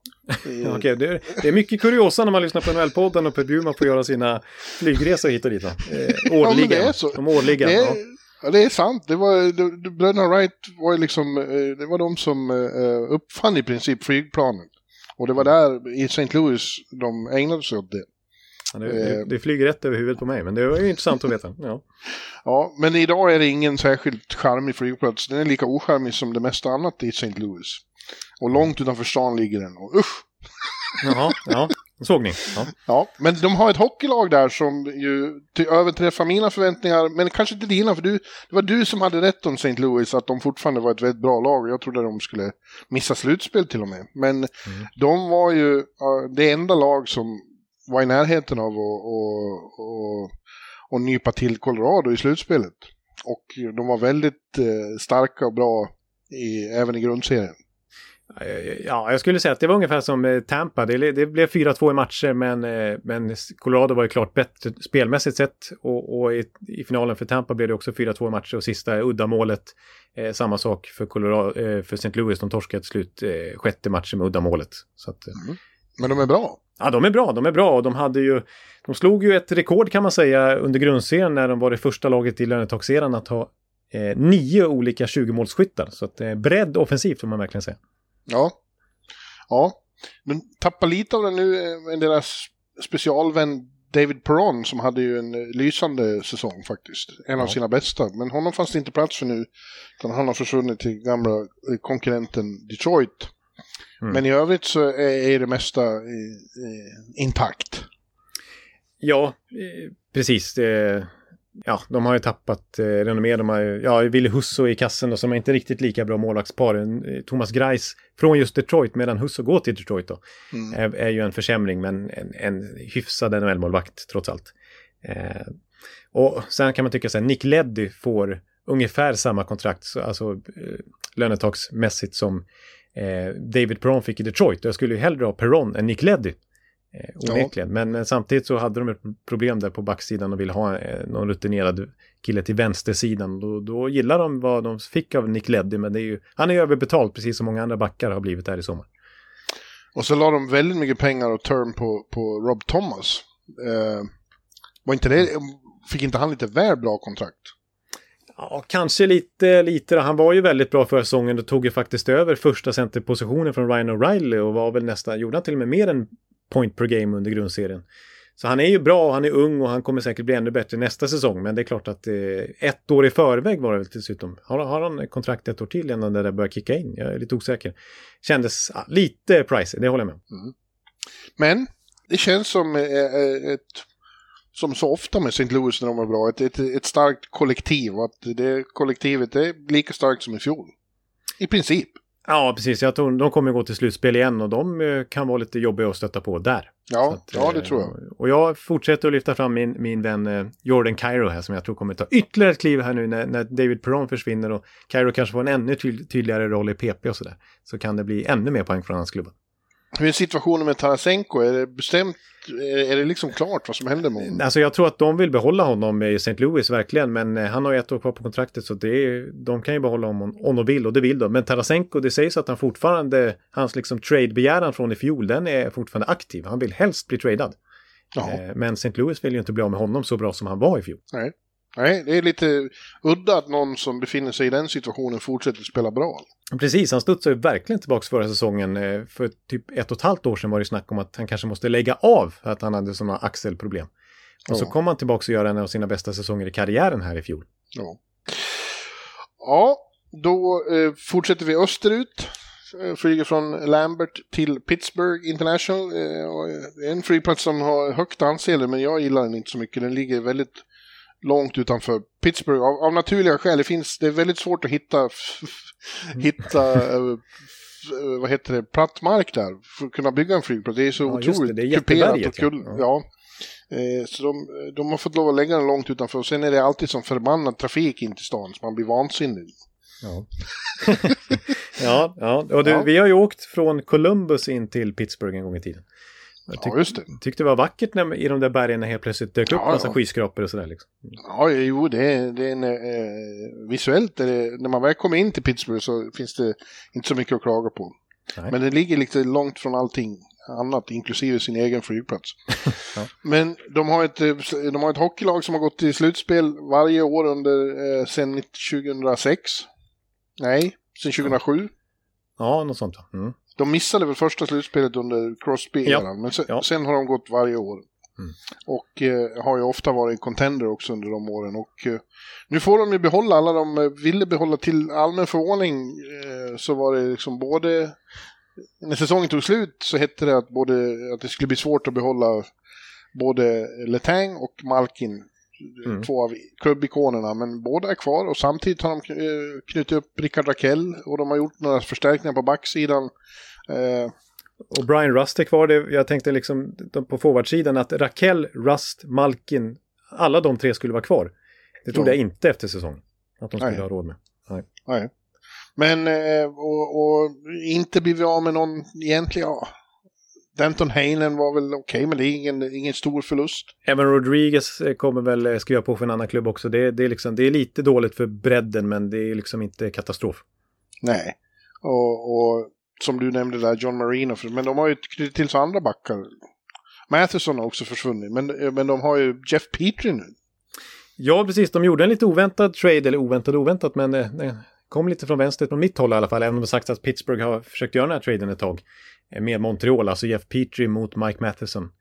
Eh, så var det Ryan Palin kom till Pittsburgh i den traden också. Men i alla fall, Petrie är ju... han var ju väldigt bra när Montreal, Montreal gick till final förra sommaren och han har ju varit poängstark här under många år, över 40 poäng fyra år i rad fram till den här säsongen som var ett litet fall för honom, liksom för många andra i Montreal. Jo. Han är ju 35 bast nu, så det, det, är verkligen ett ålderstiget lag, Pittsburgh. Äldst i NHL är de. Ja. Äldre än, än, Washington till och med. Ja, och jag har ju haft bilden av dem också, att de ska, vara på väg mot att liksom tappa och tvingas in i samma process som Chicago och, och LA och alla som har varit storlag måste liksom börja om någon gång. Men det, så länge de här tre fortsätter och inte visar minsta tecken på, på, på liksom bli sämre mm. så är Pittsburgh fortfarande ett bra lag. Och jag tror till exempel en sån som Malkin nu i och med att han kommer ha revanschbegär, även om han blev kvar så kände han sig ju liksom väldigt illa behandlad ett tag. Ja, och kommer att vilja inte visa uppskattad hur, liksom. Eh, hur, hur, kunde ni, hur kunde ni, jag ska visa vad ni, vad ni höll på att förlora. Liksom. Ja, det tror jag faktiskt att han kan känna lite så. Ja, jag tyckte Pittsburgh gjorde en ganska bra säsong i fjol och, och att hade inte Crosby blivit skadad i match fem där så hade de förmodligen slagit ut Rangers med 4-1 i matcher. Ja, de skulle ju ha vunnit den serien. Alltså, ja. Det är ju bara så. Ja. Verkligen. Och, och, trots att de då inte, alltså de hade ju problem på målvaktssidan. Och jag, jag står fast vid, det var ju sånt jävla tjattrande om, om vi bara hade haft Tristan Jerry i mål. Men han, jag tycker fortfarande att Jerry och DeSmith är inte något särskilt eh, eh, högkvalitativt målvaktspar. Det tror jag fortfarande kan hindra dem från att gå så långt som de vill gå. Ja, precis. Jerry har ju, gjorde en jättebra grundserie liksom, men eh, har ju i tidigare slutspel eh, kastat in puckar. Så ja. att, eh, det finns ett visst frågetecken kring honom där, men eh, ja. Men snacka om att, att de liksom med de här kontrakten, Letang får alltså ett sexårskontrakt och han är 35 bast. Det trycker ner hans capita ju, vilket är anledningen till att de gör det här sexårskontraktet. Men när vi, när vi har våran liksom, summerande podd eller våra preview-poddar inför säsongen 2025-2026. då, eh, ja, då kan det vara riktigt kämpigt för, eh, för Pittsburgh. Då är de förmodligen i ett Chicago, Kings, Detroit-läge för fem år sedan. Liksom. Ja. ja, kanske. Men i Crosby finns ju inget eh, minsta tecken på att han skulle vara på väg åt fel här. Tvärtom, han var ju lysande så länge han var frisk i, i slutspecieringen mot, mot Rangers. Ja. Det kändes som att han var tio år yngre. Igen. Ja. Så att eh, nej, jag, jag tror det, Pittsburgh kommer vara ett slutbeslag även kommande säsong och, och eh, är de skadefria och, och re, hela då liksom, Malkin också helt skadefri, han hade lite problem den här säsongen. Ja, då, är de, eh, då kan de vara lite småfarliga. Ja, mm. absolut. Mm. Du, eh, nu flyger vi inte, nu, nu har vi ynnesten att få göra en bussresa istället. Jaha, från eh, Pittsburgh tvär, tvärs över delstaten, från eh, västra Pennsylvania till östra Pennsylvania till eh, den stora metropolen där, Philadelphia, the city of brotherly love. Och eh, där eh, ekar de tunga suckarna eh, konstant. Oj, oj. Ja, det är inte mycket brotherly love där just nu. Inte på hockeyfronten, nej. nej. Flyers är ett, en shitshow som bara blir mer och mer deprimerande att följa. Ja, och ändå tyckte jag det kändes lite spännande här innan Free Agency började när de anställde John Tortorella och det kändes som att han är som klippt och skuren för, för just staden Philadelphia. Att han liksom ingår i samma släktträd som Dave Schultz och Eric Lindros och Gritty och, och, och, så vidare. Eh, men eh, sen hur de har agerat sen dess på spelarfronten, alltså vi ska prata om Johnny Gaudreau, men att de till att börja med investerar så hårt i Tony DeAngelo som ju jag menar, han kommer ju clasha så åt med Tortorella känns det som att han blir tradad i november liksom. Ja, ja. Ja, det kommer inte att, gå, det kommer inte att bli bra. Nej, och det i sin tur, det kontraktet och andra kontrakt, liksom förlängningen med Ristolainen tidigare och så vidare, gör ju att de, ja, de sitter hårt i klistret när det kommer till lönetakssituationen och då ansåg de sig inte ha råd att plocka in free agent-marknadens stora guldklimp, Johnny Gaudreau, som själv vill så otroligt gärna till Philadelphia Flyers, mässat kompisar och sagt att han kommer hem. Men han får inte ens ett kontraktserbjudande från Flyers. Nej, nej, alltså det där är ju, man har vetat i flera år att det här skulle komma. Eh, att, att Johnny Hockey skulle komma hem. Eh, mm. Och så säger de att nej, vi, vi var aldrig inne i det för vi, eh, alltså att de inte har liksom rensat och krattat för den liksom no-brainen. Ja. Eh, eh, det är mindblowing att de, att de, att de liksom, att det nästan, de var nästan överraskande över att, eh, jaha, Han, han vill hit alltså. Ja. Ja, Vad gör vi då? då? Nej, det här blir svårt. Nej, skit jag orkar inte hålla på och ringa massa manager och bli av med kontrakt och skit. Nej, nej, nej, det får, det får vara. Ja, ja, men det känns ju så. Och, och eh, ruiner återstår av, av det som efter bubblan, kommer du ihåg att då kände vi att Philadelphia är på väg åt rätt håll. Det här, de, de eh, kan bli spännande. Ja, verkligen, alltså när eh, Carter Hart liksom kändes otroligt lovande och liksom Sean Couturier hade vunnit Selke Trophy och, och det var Farabee och Connectney och unga spännande spelare och sådär. Nej, nu är, och nu är liksom inte ens Giroux kvar och det är liksom... Nej, det känns som att det är ingen identitet. Ja, det ska jag försöka Tortorella etablera då, men det känns... Nej, nej. Usch. Han är lite X-faktor skulle jag vilja säga. För att eh, är det någon som kan göra ett kollektiv av, av, av, av, av skräp, höll jag på att säga. Så nu ska vi inte ta i. Men Nej. det finns ju. Eh, men av, av uddlösa kollektiv så är det han då. Eh, om han får med sig spelarna. Det återstår ju att se. Ja. Eh, det är också ett problem för dem att det, verkar oklart om Ryan Ellis någonsin kommer att spela. Han var ju en fint förvärv inför förra säsongen men har ju bara varit skadad. Ja, precis. Och det känns som att Nashville visste vad de gjorde när de tradade bort honom. Att Ja. eh, de hade lite, de kanske inte var helt ärliga där när de skickade över någon, någon till Flyers för rätt så billigt utbyte tyckte man då. Eh, men nej, vi får se om han kan, överhuvudtaget kan spela och, och Tony DeAngelo ses ju av Chuck Fletcher verkar det som, som en ersättare till Ellis och då kanske inte Ellis spelar på hela säsongen, vi får se. Nej. Fyra matcher har han gjort hittills i Flyers. Ja. Eh, det är ju sorgligt. Det hela alltihop är sorgligt. ja, det, det, är verkligen... Ja, det, är- det, det, det, det, det är otroligt synd om alla Flyers-fans tycker jag. Ja, det är det. Alltså det här sticker i ögonen naturligtvis också att när de gör den här eh, värvningen av Nick Delorier, liksom en eh, career fjärde kedjespelare, eh, Ja. så säger Chuck Fletcher “Those players are hard to find”. och vi ger han ett fyraårskontrakt. Alltså, är det någon som är hard to find så är det Johnny Gaudreau. Alltså en Ja, super exakt. free agent som vill till ditt lag och är beredd att ta under marknadsvärde för att skriva på Ja, det är något helt unikt. Ja, men det, det, är nej, unikt. nej. Men Nick. Delorier, det är hard to find och vi är, då är vi framme och, och skriver på ett fyraårskontrakt. Så perfekt. Ja, nej. Godnatt Philadelphia. Vi, Ja. vi hastar snabbt vidare ut till flygplatsen Ja. eh, som är en hemsk flygplats i Philadelphia. Trång och ful. Och, och, och den ligger centralt, det är det enda som är bra. Men det, det är ofta där eh, det försvinner mycket väskor och skit. där. Det är, det eh, det- det är liksom mo, eh, USAs motsvarighet till Charles de Gaulle i Paris. Oj då. Ja. Fast mindre. Ja. Och Men där hittar vi i alla fall en flight som går rakt upp till kanadensiska huvudstaden Ottawa. Ja. Ottawa. Åtta va? Åker vi. vi åker Ottawa på morgonen. Ja, det skulle jag tro att vi gör. Passande. Ja. Och där har vi Senators. Så då blir vi lite gladare när vi tittar på ett lag som har trampat mycket vatten de senaste åren. Eh, och, och tappat sin identitet också. Men nu, nu har något eh, rätt så spännande på gång ändå. Ja, det får man säga. Om, om liksom Philadelphia är det stora, den stora shitshowen här under off-season så är ju Ottawa ett av de mest, absolut mest positiva Eh, lagen eh, när det kommer till värvningar. Alltså, vi pratade mycket om dem förra veckan, men vi måste återigen understryka Pierre Dorians värvningar. En, en sågad general manager som har fått eh, bättre anseende nu efter att ha lyckats knyta till sig Alex DeBrinket relativt billigt tyckte vi det utbytet Chicago fick. Eh, och så Claude Giroux kommer hem till Ottawa då på ett eh, hyfsat förmånligt kontrakt tycker jag faktiskt. Eh, och så har han lyckats växla ut dem Matt Murray mot Cam Talbot i kassen. Ja. Ja, eh, eh, det, det är ju, många har ju bilden av att äntligen får Dorian visa vad han går för i och med att, att eh, ägaren som gick bort, vad heter han? Eh, Eugene Melnick. Ja, att eh, det, det låter ju hemskt att säga, men att, att det har liksom öppnat för... Eh, han har fått ett annat manöverutrymme nu. För det vet man ju att Melnick var ju och petade i allting. Ja. Mm. Mm. Så att, eh, good för hem och få visa att han inte är liksom helt borta. nej, nej, för nu är det...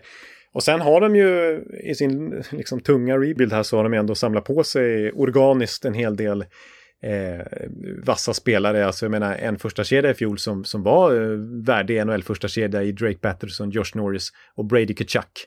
Och nu har de ju en, eh, en till första kedja kan man säga. säga. Shea? Shea. I uh, Giroud och The Staffan Brinket. Shea, har han skrivit på? Nej, han har faktiskt inte skrivit på. Det kan man tro. Men uh, The Brinket, Giroud på varsin kant och sen så Tim Stützle i mitten då. Mm. Ja, nej, det är ju... Det är ett helt, de har fått en helt ny slagkraft här. Alltså. Ja, de, och, nej, de, de känns farliga. De var ju långt ifrån slutspel. Det var det typ 30 poäng från slutspel förra säsongen. Men det lär de äta ikapp rejält till Du kommande lägger säsong. stor vikt vid det där, tycker jag. Ja, Hur, hur, hur stora differenser det var i fjol. Ja. Det tror jag inte betyder någonting kommande säsong. nej, och betänk nu att alla de där fyra topplagen har snarare gått bakåt. Ja. Eh, medan eh, åtminstone två lag under slutspelsstrecket har gjort tydliga framsteg framåt i Atlantic. Och Ottawa är onekligen ett av dem. Ja, det är de. Nu går ju rykten att Ottawa är ett av de sista lagen som är med och hugger på Klingberg också. Smäll in honom i den här eh, mixen.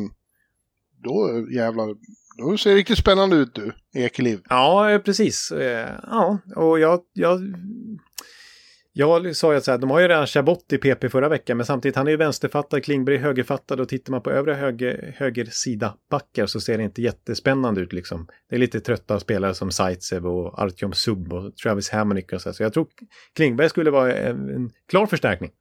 Ja, Eh, Det vore en rolig värvning. Jag har ka- kanske ett litet, litet frågetecken för eh, tränaresidan där, alltså DJ Smith, om han är verkligen den som ska förlösa det här eh, manskapets fulla potential. ja, det kan man ha. Han, men han känns lite otydlig. Man har ingen riktigt bra bild, men han har högt anseende där. eh, Ja, de klubben. gillar honom, spelarna och så Ja. vidare. Mm. Ja. Nej, det är, jag, jag- de kommer, jag hävdar ju att de kommer vara med och, och hugga kring strecket. Det tror jag. Ja, jag, jag tror verkligen att de kommer vara med i princip i alla fall, ja, kanske hela vägen och till och med kanske klättra över slutspelsstrecket till slut. Det är inte, i alla fall en wildcard-plats, det är inte omöjligt. Ja. Eh, och jag tyckte, jag måste bara säga en, en till bild jag såg som jag tyckte var lite rolig på Twitter när, när Claude Giroux blev presenterad där på en presskonferens och hade sitt barn med på, sin son med på scenen där.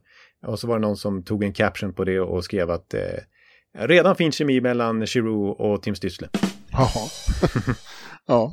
Ja, nu är det flygresa igen. ja, vi flyger söderut igen. Arlanda här i New York. På LaGuardia hoppas vi väl då. Det är närmast stan. Jag menar, alla flygplatser är kaotiska och, och störiga. JFK fick du känna på när du flög till Tampa. usch. Jag stod alltså, jag hade fem timmars mellanlandning där och tänkte att det är lugnt. Men det, det tog fyra timmar innan jag till slut var framme vid nästa gate. Oj, oj, oj, ja. Men eh, det är nära till stan om man kommer på rätt tid och slipper trafiken eh, från LaGuardia. Och så tar vi oss in till Manhattan då där vi har New York Rangers som fick ett eh, rejält lyft den gångna säsongen eh, efter att ha missat slutspel sju år i rad var det väl?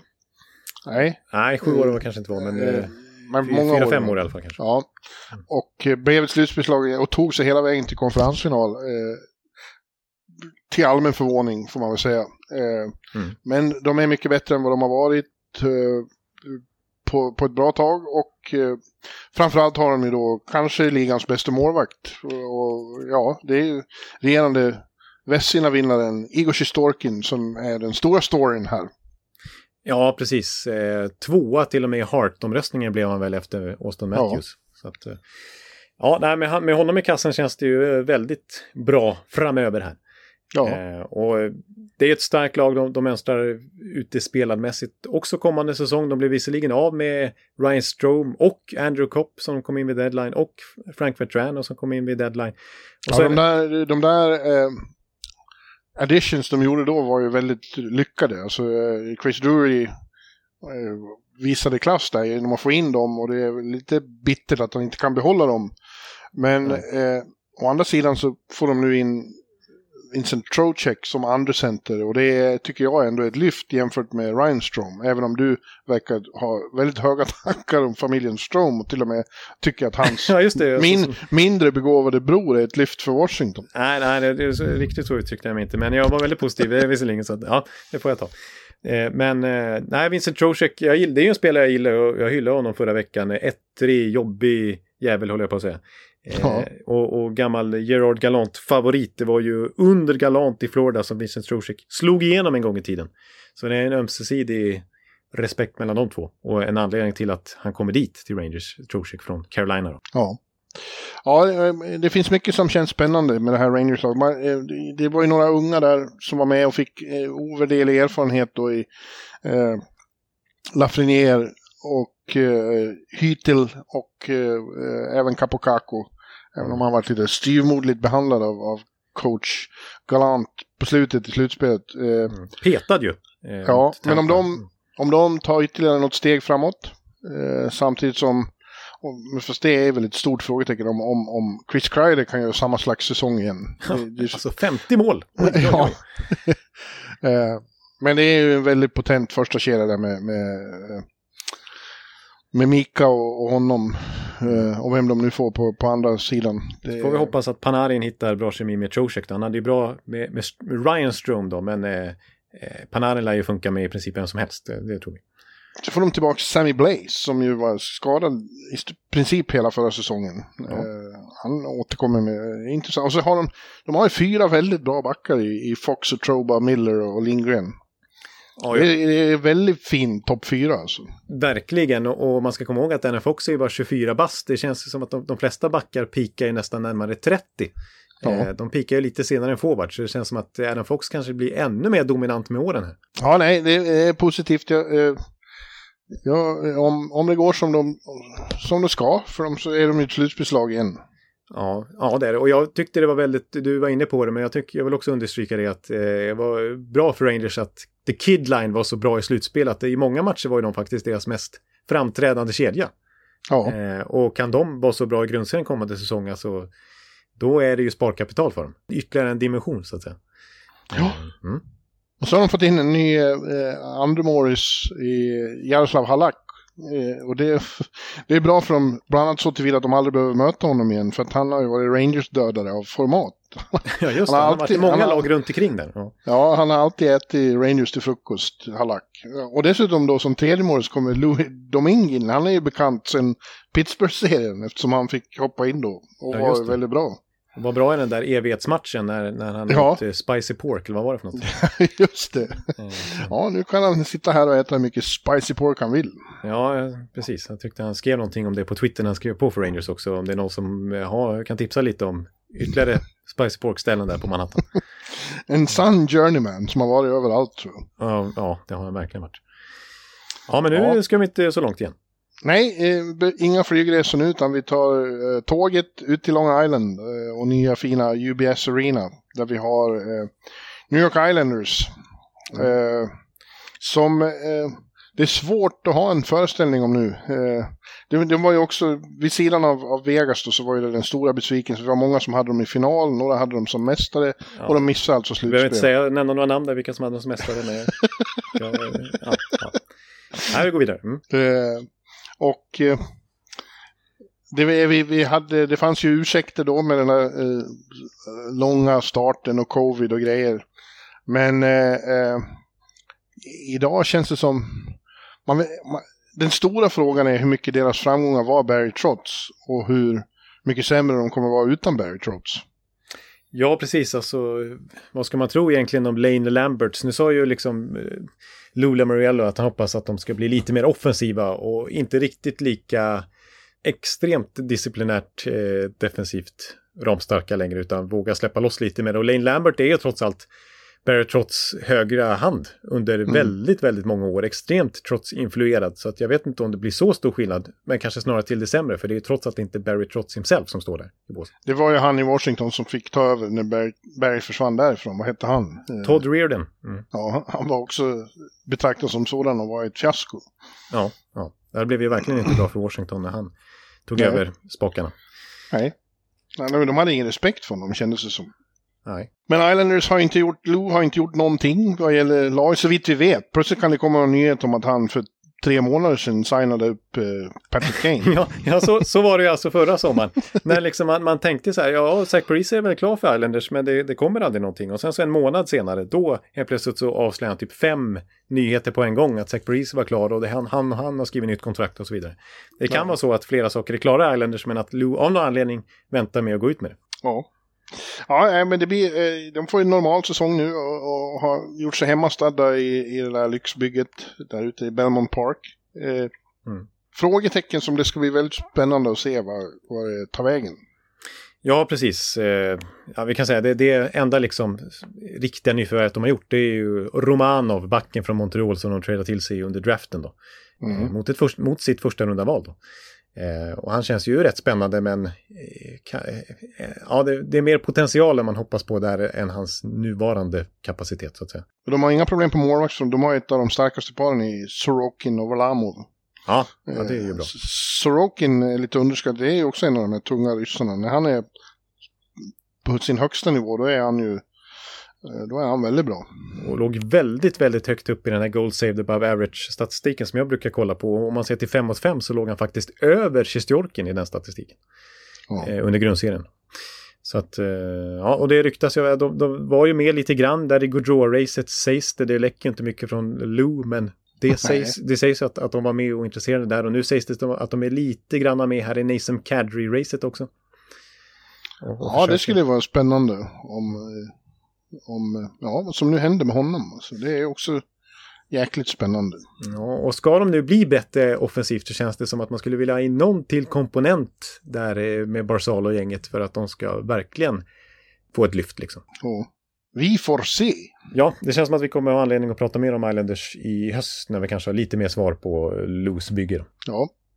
Vi hoppar på tåget igen då. Inga fler flygresor utan uh, åker vi in tillbaka till Penn Station, byter tåg, hoppar på. Vi får först åka Long Island uh, Rail ja. och sen hoppa på uh, New Jersey-tåget. Vad fan heter det nu då? Ja. ja det, jag har ju åkt det med dig faktiskt ut till ja. The Rock. The Rock. Ja, ja, ja, och så tar vi plats i The Rock. Ja, ja, precis. to The Rock. Där vi har New Jersey Devils som eh, där blir det, mm, det har ju varit tråkiga, tunga år där. Men eh, de eh, navigerar också i rätt riktning tycker jag det känns som nu. De, de, de, de har något spännande på gång. Ja, precis. Och där, där sägs det lite grann att de var det lag som kom med bästa. Om vi börjar den änden så kom de med kanske det bästa budet då. Ryktas de till, till Gaudreau. Det är lite olika ja. uppgifter men, men ganska starka uppgifter om att de erbjöd ja, 11 miljoner dollar per säsong, alltså drygt en miljon mer än vad Columbus erbjöd för Gaudreau och ändå så vill han inte dit då utan hellre till Columbus. Johnny Hockey. Ja. Ja. Eh, så tröstpriset blev ju då min gubbe, Ondrej Palat. Just det. Men det är inget dåligt tröstpris det heller. Nej, alltså eh, även om jag är hans starkaste försvarare så tycker jag att fem år gånger 6 miljoner dollar är lite mycket för en 38-årig Ondrej Palat som faktiskt inte gjort över 20 mål en enda gång i NHL-karriären sedan sitt rookie-år eh, tio år sedan. Men, Nej, men, eh, han, eh, men han är ju Mr Clutch. Han är ju Mr Clutch. Oj, han gör de viktiga stora målen framförallt i slutspel. Flest game winning goals i slutspel i Tampa Bays historia. Ja. Eh, så att det är... Sneaky, sneaky som Stamkos kallar honom. Ja, han är en sneaky bubbe som dyker upp när det väl eh, behövs så att säga. Så att, eh, ja. Nej, men det känns som spännande och jag tycker man, i och med att de var så dåliga så glömmer man bort lite grann att Jack Hughes fram till skadan som satte stopp för hans säsong eh, var han jättebra. Han var ju över point per game, Jack Hughes. Ja. Han såg verkligen ut som den first overall pick han var 2019. Man trodde att han skulle bli, så att säga. Ja, och det var flera av de här unga killarna som såg väldigt bra ut. Vad hette han som spelade med Bratt och, och Jonsson ett tag? Dawson Mercer. Ja, han var väldigt, han var ett stort utropstecken. Men det, det var ju liksom en höstspelare och det är vanligt det där för rookies att de, att de klingar av efter ett tag. Ja. Oh. Eh, men men eh, kommer ju att vara bättre förberedd på en hel NHL-säsong nu. Ja, och man glömmer bort lite grann att han är så pass ung. Alltså Jesper Bratt, han är 98 precis som Elias Pettersson och Cale McCarr och Anna Fox är väl 98 också. Han är jätteung Jesper Bratt och gjorde alltså över 70 poäng förra säsongen. Ja, han, var ju, han hade ju sitt stora genombrott får man säga. Nu ska han till arbitration då. Och Jonathan förklarar för oss eh, vad, vad det innebär när man går till skiljedomstol. De, de är ju överens om att spelaren ska fortsätta. Men en medlare får helt enkelt bestämma vad lönen ska vara. Ja, precis. Och då brukar det vara så att eh, spelaren eh, med sitt, och framförallt agenterna där, eh, agentteamet då kommer med en motivering varför han ska ha så här mycket lön. Och det, de mm. brukar ta ifrån tårna, vet du, så att det är liksom ja. nästan orimligt mycket. Och sen så... Så kommer klubben och sänker och, Precis. Eh, vi, har ju ett, vi har ju några skräckexempel där, där till exempel Mike Milbury fick Tommy Salo att gråta för att han gjorde ner honom så mycket en gång i tiden. Eh, ja. Rangers gjorde ner Avery en gång också. Ja. Eh. Alltså det, det, är lite hårt, alltså det är nästan lite brutalt hur, hur det går till i, i skiljedomstolen ibland. Men ja, och så får en domare helt enkelt konstatera vilket som är det mest rimliga kontraktet och så blir det oftast det då. Mm. Eh, Om man inte kommer överens utanför eh, rättssalen, höll jag på att säga. Ja. Ja. Men eh, det Ja, pratas får om att, att Bratt vill ha ja, upp mot 7 miljoner dollar per säsong. ja.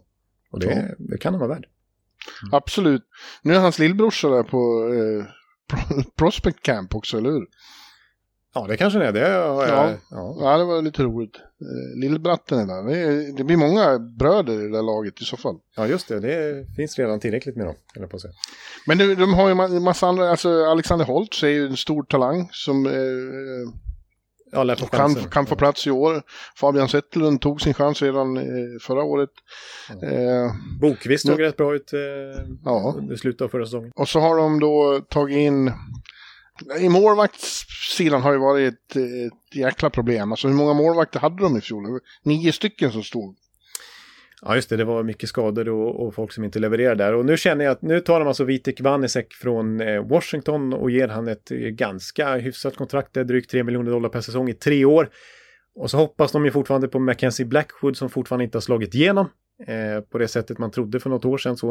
Eh, så att, ja, jag känner att eh, New Jerseys målvaktssida är lite grann som Washingtons var förra säsongen. Alltså det, Ja, det finns ja. potential där men än så länge är båda rätt mediokra. Ja. Mm. Ja, sen har vi ju då eh, möjligheten att, att det är där Klingberg hamnar också. Och då, då, då blir det väldigt spännande plötsligt. Eh, han och Dougie Hamilton i ett powerplay. Vad säger du om det? Ja, ett old school PP med två backar då. Ja, Eh, visserligen båda högerfattade så det blir ju lite svårt för dem att stå sådär. ja men ändå. Ja, någon kan gå ut på en kant och bomba på direktskott eh, i en diamantuppställning. Ja, sen så har den dessutom Damon Severson utöver John Marino som högerbackar. Så jag, jag tycker att det, att det känns o, orealistiskt faktiskt. Ja, Men eh, det det ska bli att... kul att ringa dig om några timmar. Ja, vet du, då får jag verkligen, då, ska, då förtjänar jag en eh, kölhållning. Sen har de ju kvar Lindy Ruff som coach då. Det är ju också så här, jag kä- känner lika med honom som jag känner med Lavaliette. Att det kan vara dags för ett byte där. Men det kanske sker ganska naturligt under säsongen om de verkar välja att sparka Lindy Ruff då och ge fullt förtroende till Andrew Brunette som jag har kommit in här senaste dagarna som associate coach. Inte Ja, bara precis. assisterande utan faktiskt associate. Ja. ja, det förtjänar han ju efter sin fina säsong i Florida. Ja, Eh, och lärde sig väl några fina läxor där under uppläxningen av Tampa. ja, ja. Men eh, de öste ju in mål mest på grund av sin fantastiska spelarmaterial Florida. Men Andrew Brunette lät dem ju verkligen vara kreativa. Och jag tror, Lindy Ruff, man tror att han är så här old school defensiv coach också. Men han lyckas ju alltid mycket bättre med, med offensiven, defensiven i sina lag. Så jag tror att New Jersey kan vara ett väldigt severt lag kommande säsong. Men sen kan det vara lite svajigt bakåt och med den där målvaktssidan. Ja, ja eh, men bättre än i fjol. De är lite bättre. Ja, jag har skrivit bättre. Men du, nu är vi trötta på New York-området här. Vi var där alldeles för länge. Nu är vi sugna på barbecue och eh, country honky tonk. Så vi sätter oss på planet på Newark då, eftersom vi är nära Newark. Eh, Usch vad jag blev sugen på barbecue nu och sitta där på eh, Martins. Martins ja, barbecue och ta någonting där. Så, för nu, nu har vi hållit på i över en och en halv timme här, så nu, nu Ja. jag är hungrig på riktigt här. ja, men vi brakar ner till Nashville och landar på en, av de, en annan favoritflygplats. Liten, behändig och väldigt nära stan. Eh, fantastisk faktiskt. Man blir alltid på ett enormt bra humör när man landar där på BNA. Ja. Och eh, där har vi då eh, Nashville Predators. Som, eh, ja, eh, vad säger vi där då? De har ju förstärkt ändå. Det var en lite skakig säsong för dem, den, den som gick. Men de lyckades ta sig till slutspel, fast där blev de svepta då direkt. Ja, de mötte ju ett hemskt lag. Ja. Ja. De mötte Colorado. Och de, och de saknade sin viktigaste spelare, kan vi nog säga, i Jussi Saros. För där har vi en som är väldigt nära elitskiktet. Ja. Om elitskiktet är Vasilevski och eh, Sjistorkin så är Jussi Saros rätt så nära dem faktiskt, skulle jag säga. ja, han är nog topp fem i NHL, Ja. tycker jag man kan säga. Eh, och Och jag, de har nu, först, de har nu förstärkt då med, som den vi nämnde, Ryan McDonough är tung, tung. Han är fortfarande, han är lite, han är lite till åren kommen men en, en, en riktigt, en riktig klippa är han. har aldrig missat slutspel i hela karriären. Och här, Nej. nu har jag påtalat det flera gånger, men här i slutspelet så slog han alltså Stanley Cup-rekord i antal blockerade skott. Flest genom tiderna. Ja, i, i slutspel. Så att det är ju verkligen en ärrad veteran som, och vilken betyder, alltså hur, hur många Tampa-spelare har inte betonat hur viktig röst han var i omklädningsrummet och liksom motivera lag, Ja. lagkamraterna sådär. Och, och, ja, det var ju han som var Tampas röst eh, i Vita huset till exempel som höll tal där. Så det är en riktig ledare. Gammal kapten i Rangers ju dessutom. Ja. Ja, eh, så det är ju, bara han är ju ett eh, tungt lyft.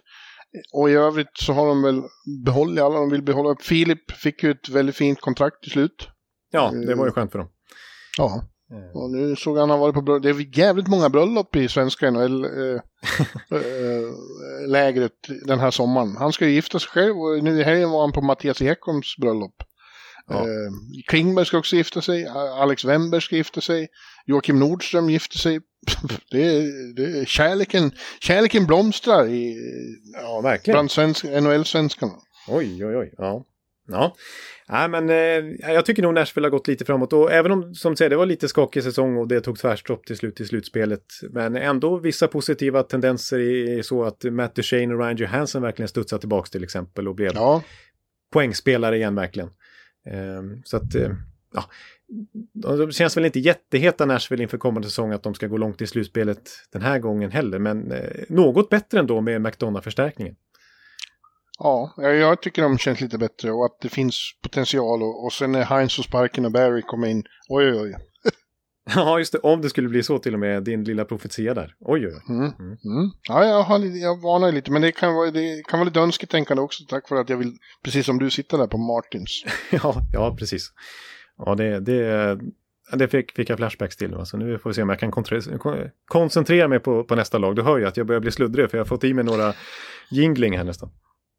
Va? Har du sitter du Nej, dricker nej men imaginärt har jag fått det. Men, eh, för jag sitter ju eh, på, på Martins barbecue nu. Ja, men du, nu ska jag gå och hämta lite mer kaffe igen. Ett ögonblick. Du kan prata om... Kan jag sluddra eh, vidare? Nej, jag tycker du kan eh, sjunga en sång om, om eh, ja, eh, ta eh, Matt Duchene. Ska jag sjunga om Matt Duchene? Ja. ja. Matt Duchene, Mr 2017. När du sa att du ville lämna Colorado för du ville vinna kupper och det kunde du inte göra i Colorado. Så du stack, du drog till Ottawa, sket sig totalt. Du hamnade i Columbus, sket sig där också. Drog till Nashville och fick se Colorado vinna kuppen. Aj, aj, aj, Matt Duchene. Aj, aj, Matt Duchene. Ja, Oj, oj, oj, Victor Norén, här har du, ett, eh, här har du något att tonsätta. ja. Ja, Lasse Berghagen från Örby. Usch. Slå till ja igen. just det. Just det. Ja. Ja, men nu, nu flyger vi eh, norrut, korsar gränsen igen och hamnar i Montreal. På deras, det är en fin, inget fel på den flygplatsen. Den är, Nej. den är. Där har jag Man- varit. Mm. Ja, Stor, fin, man- luftig flygplats för att vara Ja. Nordamerika. Mm. Ja, och så blir man liksom... Eh, ja, man känner glädje när man kliver ut och får åka in till Downtown Montreal som är en fantastisk stad. Ja. Och där har vi då Canadiens som befinner sig i en... Eh, de är fortfarande i en rebuild. Men det känns som det är ordning och reda på denna rebuild till skillnad från när eh, Mark Bergeron på slutet inte riktigt visste vad han gjorde. Nej, det är så här, eh, eh, David Savard får mycket pengar och Mike Hoffman, du ska, du ska ha mycket pengar. Och, eh, ja, han visste inte vad, riktigt vad han höll på med det. Nej, och sen var det som att han liksom la av. eh, de har fått in helt, de har liksom stramat till organisationen nu med en bra general manager, en bra coach i Martin St. Louis eh, och, och folk runt omkring. Och eh, har, har liksom en plan de ska hålla sig till. De inser att eh, det är inte de, den här säsongen eller nästa de ska vara som bäst, men de kommer att vara bra om några år förmodligen. Precis, så även om du och jag också, men framförallt du tyckte att det var rätt att göra sig av med Jeff Gorton förra sommaren för, för Rangers, så orkestrerar ju han en fin rebuild där. Ja. Eh, som sen har förvaltats av Chris Drury. Men eh, nu kommer han in i ett verkligt rebuild-läge för Montreal och det är ju han som har tagit in Kent Hughes till exempel eh, som general manager och säkert varit högst delaktig i Martin St. Louis som coach också. Så att Jeff Gorton är ju bra på rebuilds. Ja, eh, om, han, om han får vara i en omgivning där det finns tålamod. Och det Ja. verkar ju finnas i Montreal. Och det fanns det till slut inte i Rangers. Så för att och ägaren här, eh, Dolan, klev in och helt sa att nu får det vara slut på det här. Ja. och eh, ja, eh, de, de fick ju första valet. Eh, i år och tog Slavkovski. Mm. Eh, och det känns ju också som en, liksom, ja, eh, eh, väldigt lyckat inför framtiden. Kommer han att spela redan i år? Vet man? Nej, jag tycker det återigen visar tålamod och smarta av Montreal att de kastar inte in honom i NHL direkt här utan det verkar som de tar över honom från eh, Finland och Åbo där och, och kastar in honom i, i kanadensiska, något av de kanadensiska juniorligalagen för att ha honom på nära, nära håll och kunna följa honom och spela på liten rink och så vidare. Ja. Ja, nej, så ett, eh, ett work in progress som känns väldigt lovande på lång sikt. En, en fråga är ju förstås vad som händer på målvaktsfronten där vi inte riktigt vet vad vi har. Carey Price som han eh, är redo för och liksom för tjänstgöring igen. Jag tror han kommer spela från start, sen får vi se i vilken form han är i. Han är ju till åren kommen nu och inte spelat så mycket hockey senaste året. Så att, eh, vi får se, och så har de Jake Allen där också. Men eh, Eh, jag tror inte, de var ju sist i hela NHL förra säsongen. Jag tror inte de kommer lyfta jättemycket här heller. Men det behöver de kanske inte göra. Det är inte målet heller. Men det kommer bli tydligare. Eh, sett till speltid och så vidare med Martin Saint-Louis som coach från start här. Att den nya kåren, det är Nick Suzuki, det är Cole Caulfield. Det är Kirby Dack eh, som de ju mm. tradade till sig vid, vid draften. Eh, och några till där, unga spelare. Så att, och det är nog så bra. Småningom, så småningom Slavkovski ja. fasa in honom. Ja, nej det blir... Eh, Eh, det känns positivt, men framförallt på sikt. Ja, och starkt gjort att lyckas bli av med Shea Webbers enorma LTIR-kontrakt där och få det, skeppa iväg det till Vegas. Ja. Eh, och de blev av med Jeff Peters stora kontrakt där också. I nuvarande fas så behöver de inte honom liksom. Ja, just det. Så Precis. Att, ja, bra gjort av, av eh, Kent Hughes, den gamla agenten då. Mm. Ja, flygresa igen. Eh, vi flyger västerut och landar i Minneapolis. Eh, en stor flygplats, eh, hubb för Delta. Eh, men äh, den är lite rörig tycker jag. okay, ja. men vi tar oss till St. Paul, Twin City. Mm. Och där har vi Minnesota Wild då. Som har varit en, en, en power, ett powerlag i grundserien men envisas med att och skita en lök så fort det blir slutspel. Oj vad de sket en lök här i, i, i våras då när de ju tog ifrån tårna vid trade deadline och tog in Fleury till exempel och ett gäng spelare till Jake Middleton till exempel och så. Och så var de faktiskt det, det poängstarkaste laget från deadline fram till grundserieavslutningen. Tog fem poäng fler än något annat lag under den perioden. Och sen blev det bara två segrar i, i slutspelet innan det var respass. Vilka var de åkte mot? St. Louis. Just det, just det. Ja, och nu har de då eh, tappat Kevin Fiala, vilket är Fiala tråkigt för dem. ja, ja, ja, det är inte ja, sista det, gången vi nämner det skämtet tror jag den här sändningen. Nej, det kan vi aldrig låta bli. Nej, eh, och det är en försvagning såklart. Han, de, de har ju i och för sig väldigt mycket eh, offensiv, alltså firepower. Men eh, ändå, en sån spelare, eh, eh hans frånvaro kommer märkas. 85 poäng förra säsongen. Ja, Eh, och sen finns ju ett, ett enormt frågetecken för dem, vad som händer nu med, med eh, vår vän eh, Kaprizov eftersom han fortfarande inte har lyckats ta sig till USA och det är liksom tjafs med Ryssland. Ja just det, han har försökt ta sig in en bakväg via Karibien och grejer och det har ja. inte gått bra det heller och det är det där med Ryssland och militärtjänstgöring och så vidare som Ja det, det är eh, osäkert. Oj, Mycket, oj, oj, det, det, grej det skulle det, vara. Ja, det skulle vara katastrof för dem faktiskt. Mm. Han är ju the face of the franchise och eh, liksom... Fick många Hart-röster också som är NHLs MVP faktiskt. Där förra ja.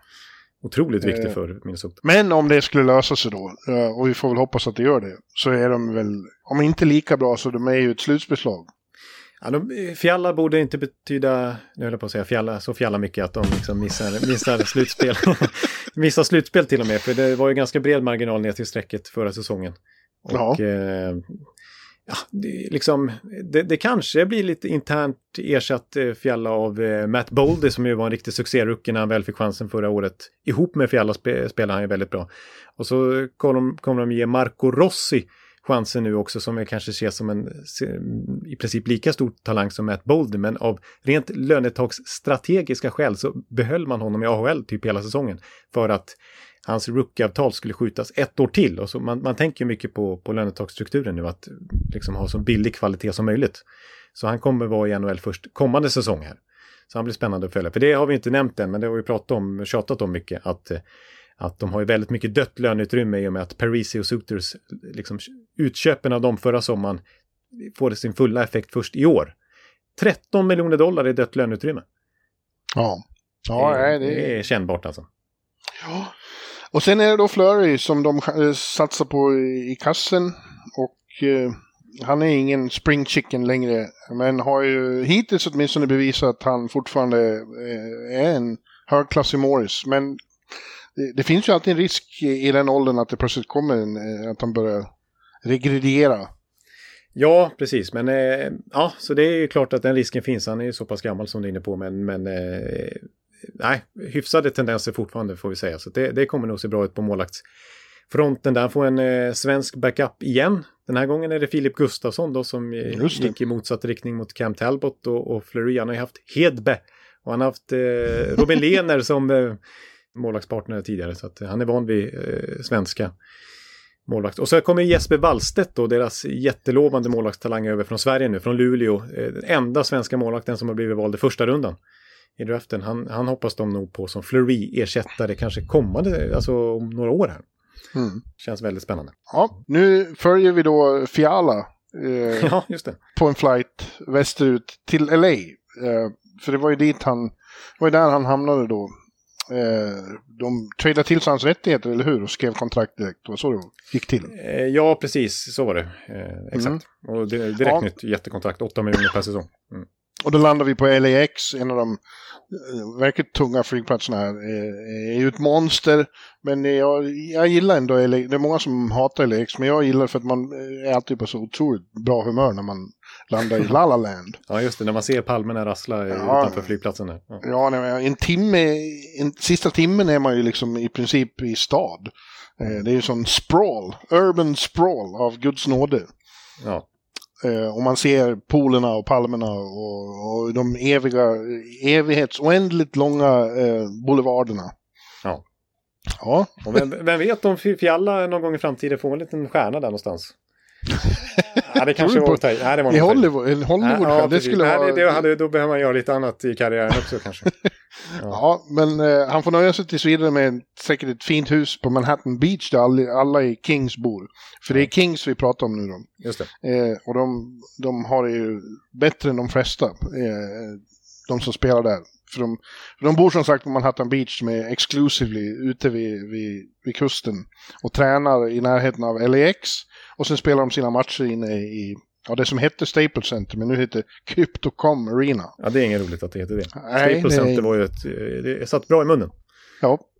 Eh, och de fick ju ett lyft den här säsongen. Eh, tog ett rejält kliv framåt. Och eh, det finns inga skäl att tro att något annat ska hända än att de fortsätter i, i den riktningen.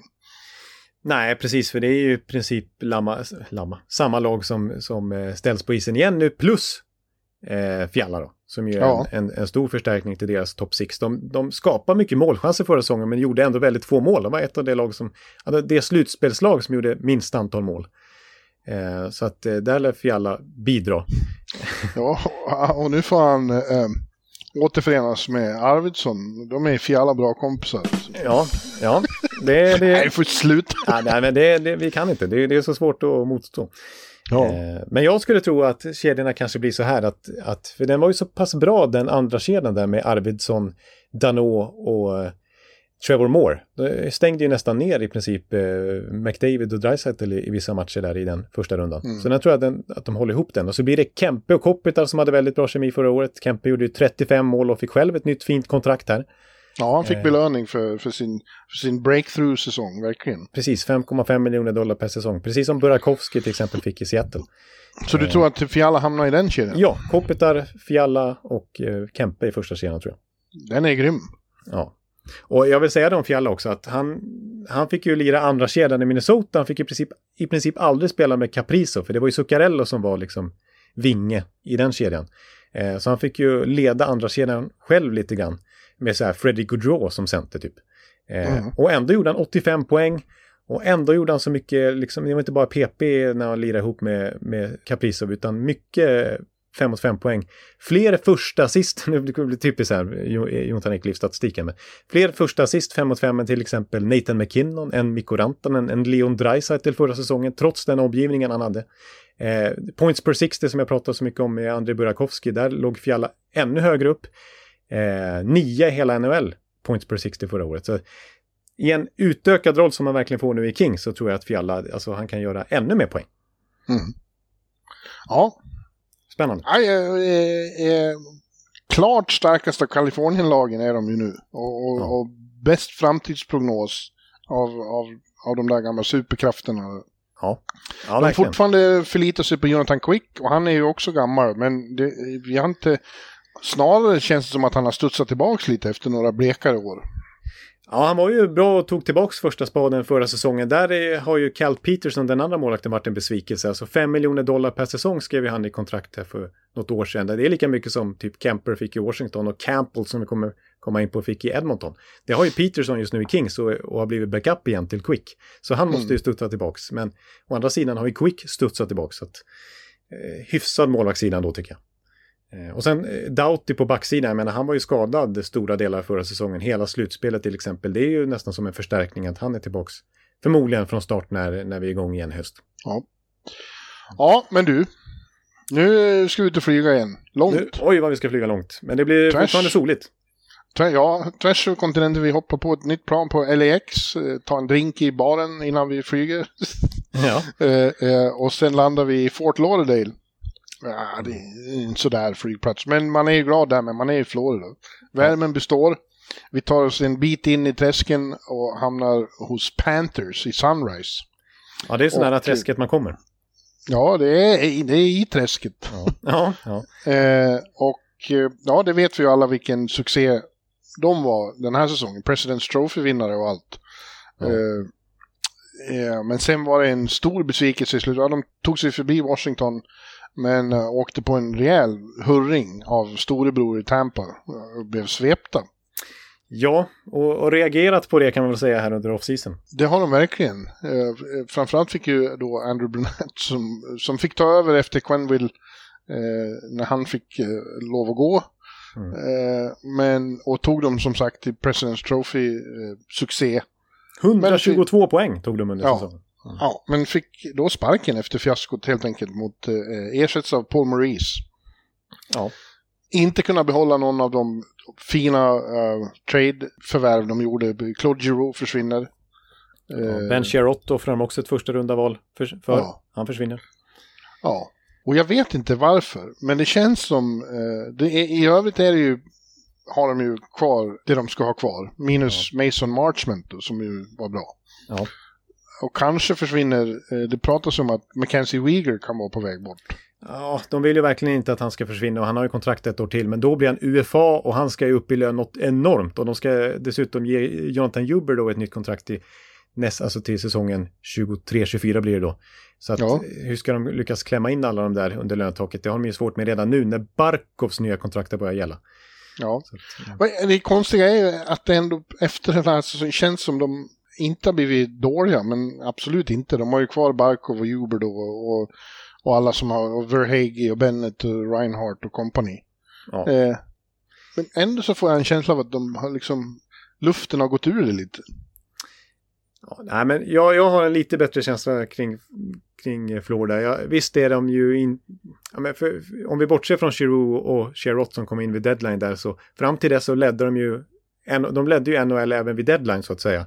Och eh, den enda skillnaden i laget nu jämfört med då är ju typ att Mason Marchment då försvinner som sagt och att Anton Duclair är långtidsskadad och missar stora delar av kommande säsong. Men... Och att Paul Maurice är coach. Ja, det, det kanske nödvändigtvis inte är någon förstärkning. Nej, och sen är Bobrovski ett år äldre och Spencer Knight har fortfarande inte riktigt visat att han eh, är den vi tror han ska vara. Nej, precis. Vi får se om han kan bli det kommande säsong. Bobrovski har de ju så desperat försökt bli av med hans 10 miljoner dollar per säsongkontrakt att de har mm. erbjudit sig att behålla hälften, alltså fortfarande betala 5 miljoner dollar för Bobrovski för att bli av med honom. Eh, och inget lag har nappat. Nej. Så att, eh, där, sitter de med, där sitter de med det tunga kontraktet. Det var inte Bill Zito som skrev det, utan det var hans före, föregångare. Ja, nej, jag, jag tror Florida Panthers, de är, så mycket har de inte tappat utan det är fortfarande alla de där namnen som du nämnde kvar. Så att de kommer gå till slutspel, men eh, att de tar ytterligare ett kliv nästa säsong i slutspelet, det är jag trots allt lite tveksam till. Ja, jag med. Mm. Mm. Ja, nu har vi fått nog av sol. Ja, nu ska vi härdas igen. Nu flyger vi eh, norrut över gränsen och landar i oljestaden Edmonton. Där vi har Oilers. Och eh, nu tänker jag vara desto mer positiv. Bra. Eh, jag tror att Ed, nu är det dags för Edmontons lyft. De, var ju, de gick ju långt redan i den här säsongen. Eh, och nu har de fått mer eh, stadga på flera positioner som gör att eh de är en contender. Ja, jag, jag, håller verkligen med dig. Just, just att de har förstärkt i kritiska positioner där man har sett svagheter tidigare. Alltså, nu ska vi inte hypa Jack Campbell som någon fantastisk målakt. Det, han lyckades ju inte vinna en slutspelsrunda med Toronto under sina år där. Men det känns ändå som ett lyft eh, solklart mot Mike Smith. Verkligen, det är framförallt det att de har ju en... Eh, nej, det är inte yttersta elit, absolut inte, men det är väldigt mycket bättre än det har varit. Ja. ja. Eh, och eh, deras redan lysande spelare kommer att bli ännu bättre. Conor McDavid och Dreisaitl är inte, de är inte vid sin prime än. Nej, inte nödvändigtvis. De, är, de är på väg dit. Ja. Vad är det mer de har fått in? Ja, men Brett, Brett Kulak är ju inget nyförvärv, men det tycker jag är bra. Alltså med tanke på att så här, eh, Nick Leddy fick 4 miljoner i Detroit, att Ben Sherrott som vi kommer, eller Detroit i St. Louis, och att Ben Sherrott fick så mycket som han fick i Detroit och några andra backar som vi varit inne på, så tycker jag nästan att Brett, Brett Kulak, det är ingen superback, men han hade kunnat få 4 miljoner dollar av något lag, men han fick 2,75 av Edmonton. Och det var, det var för att han helt enkelt, han är från Edmonton-trakten, sådär som jag gillade, vet, Hometown Boys. eh, och han, eh, nej, han ville hellre spela i Edmonton än att få bättre betalt i något annat lag. Så att där fick de en, en väldigt bra deal, eh, Oilers faktiskt. Ja. Eh, och sen eh, Evander Kane blir ju kvar. Mm. Han, eh, det finns mycket att säga om honom, men det är en väldigt bra hockeyspelare och han gjorde ju stor nytta för dem eh, och kommer fortsätta göra det. Såvida det inte blir då trassel med, det är fortfarande juridiskt tjafsande med, på flera olika fronter, bland annat med San Jose. Då. Ja, så det där kontraktet som eh, revs av San Jose, det kanske plötsligt börjar gälla efter den här rättegången när den väl är överstökad och då, då blir det krångligt för Edmonton. Men eh, ja, 5 miljoner dollar är ju hans nya kontrakt i Edmonton värt om det nu blir giltigt så att säga. Och mm. eh, jag menar, han, rent produktionsmässigt senaste åren så är han kanske en 8 miljoner spelare. Så att eh, sen finns det en massa olämpor med honom, men, men rent produktionsmässigt så är det svårt att ifrågasätta Evander Kings. Olämpor? Ja, eller vad säger man? Jag hittar på ett ord där kanske. Ja, det gjorde du. Ja, ja. Men, men så, så är han ju, det är ju odiskutabel hockeymässig kvalitet i alla fall. Ja. Eh, och han passade, jag menar, han vann väl till och med slutspelets skytteliga. Alltså målliga helt enkelt. Ja, det kanske han gjorde, ja. Mm. Ja, och sen fick de in här på slutet då, eh, tog de eh, Mattias Janmark eh, på ett år också. Eh, och han är kul tycker jag att vi får dit en svensk. Eh, mm. Och det finns lite järnkrok feeling Han är också användbar i så väldigt många olika roller och väldigt bra mm. tvåvägsspelare. Ja, precis. Typiskt sån eh, center eller ytterforward. Första kedjan som komplementspelare eller leda en tredje, fjärde kedja liksom, som center. Det... Ja, han bidrar ju definitivt till att bredden blir större. Ja, och det har de haft lite problem med genom åren, Edmonton, bottom six. Och han, han, han kan ju spela både bottom six och top six. Ja, och sen har jag, fick jag ju väldigt, väldigt gott intryck av coachen. Vad heter han? Eh...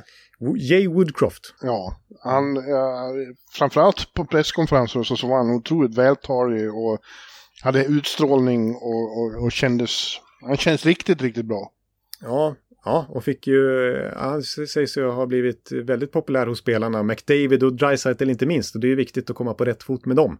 De ja. verkar ju väldigt förtjusta i honom och väldigt angelägna om att Ken Holland skulle skriva ett nytt kontrakt ja. med eh, Woodcroft. Och överhuvudtaget tycker jag Ken Holland har gjort det bra här. Lite tur har han ju haft också med att Duncan Keith valde att lägga av. Fantastisk karriär, Conn Smythe-vinnare, tre Stanley Cups, dubbla Norris Trophy och så vidare.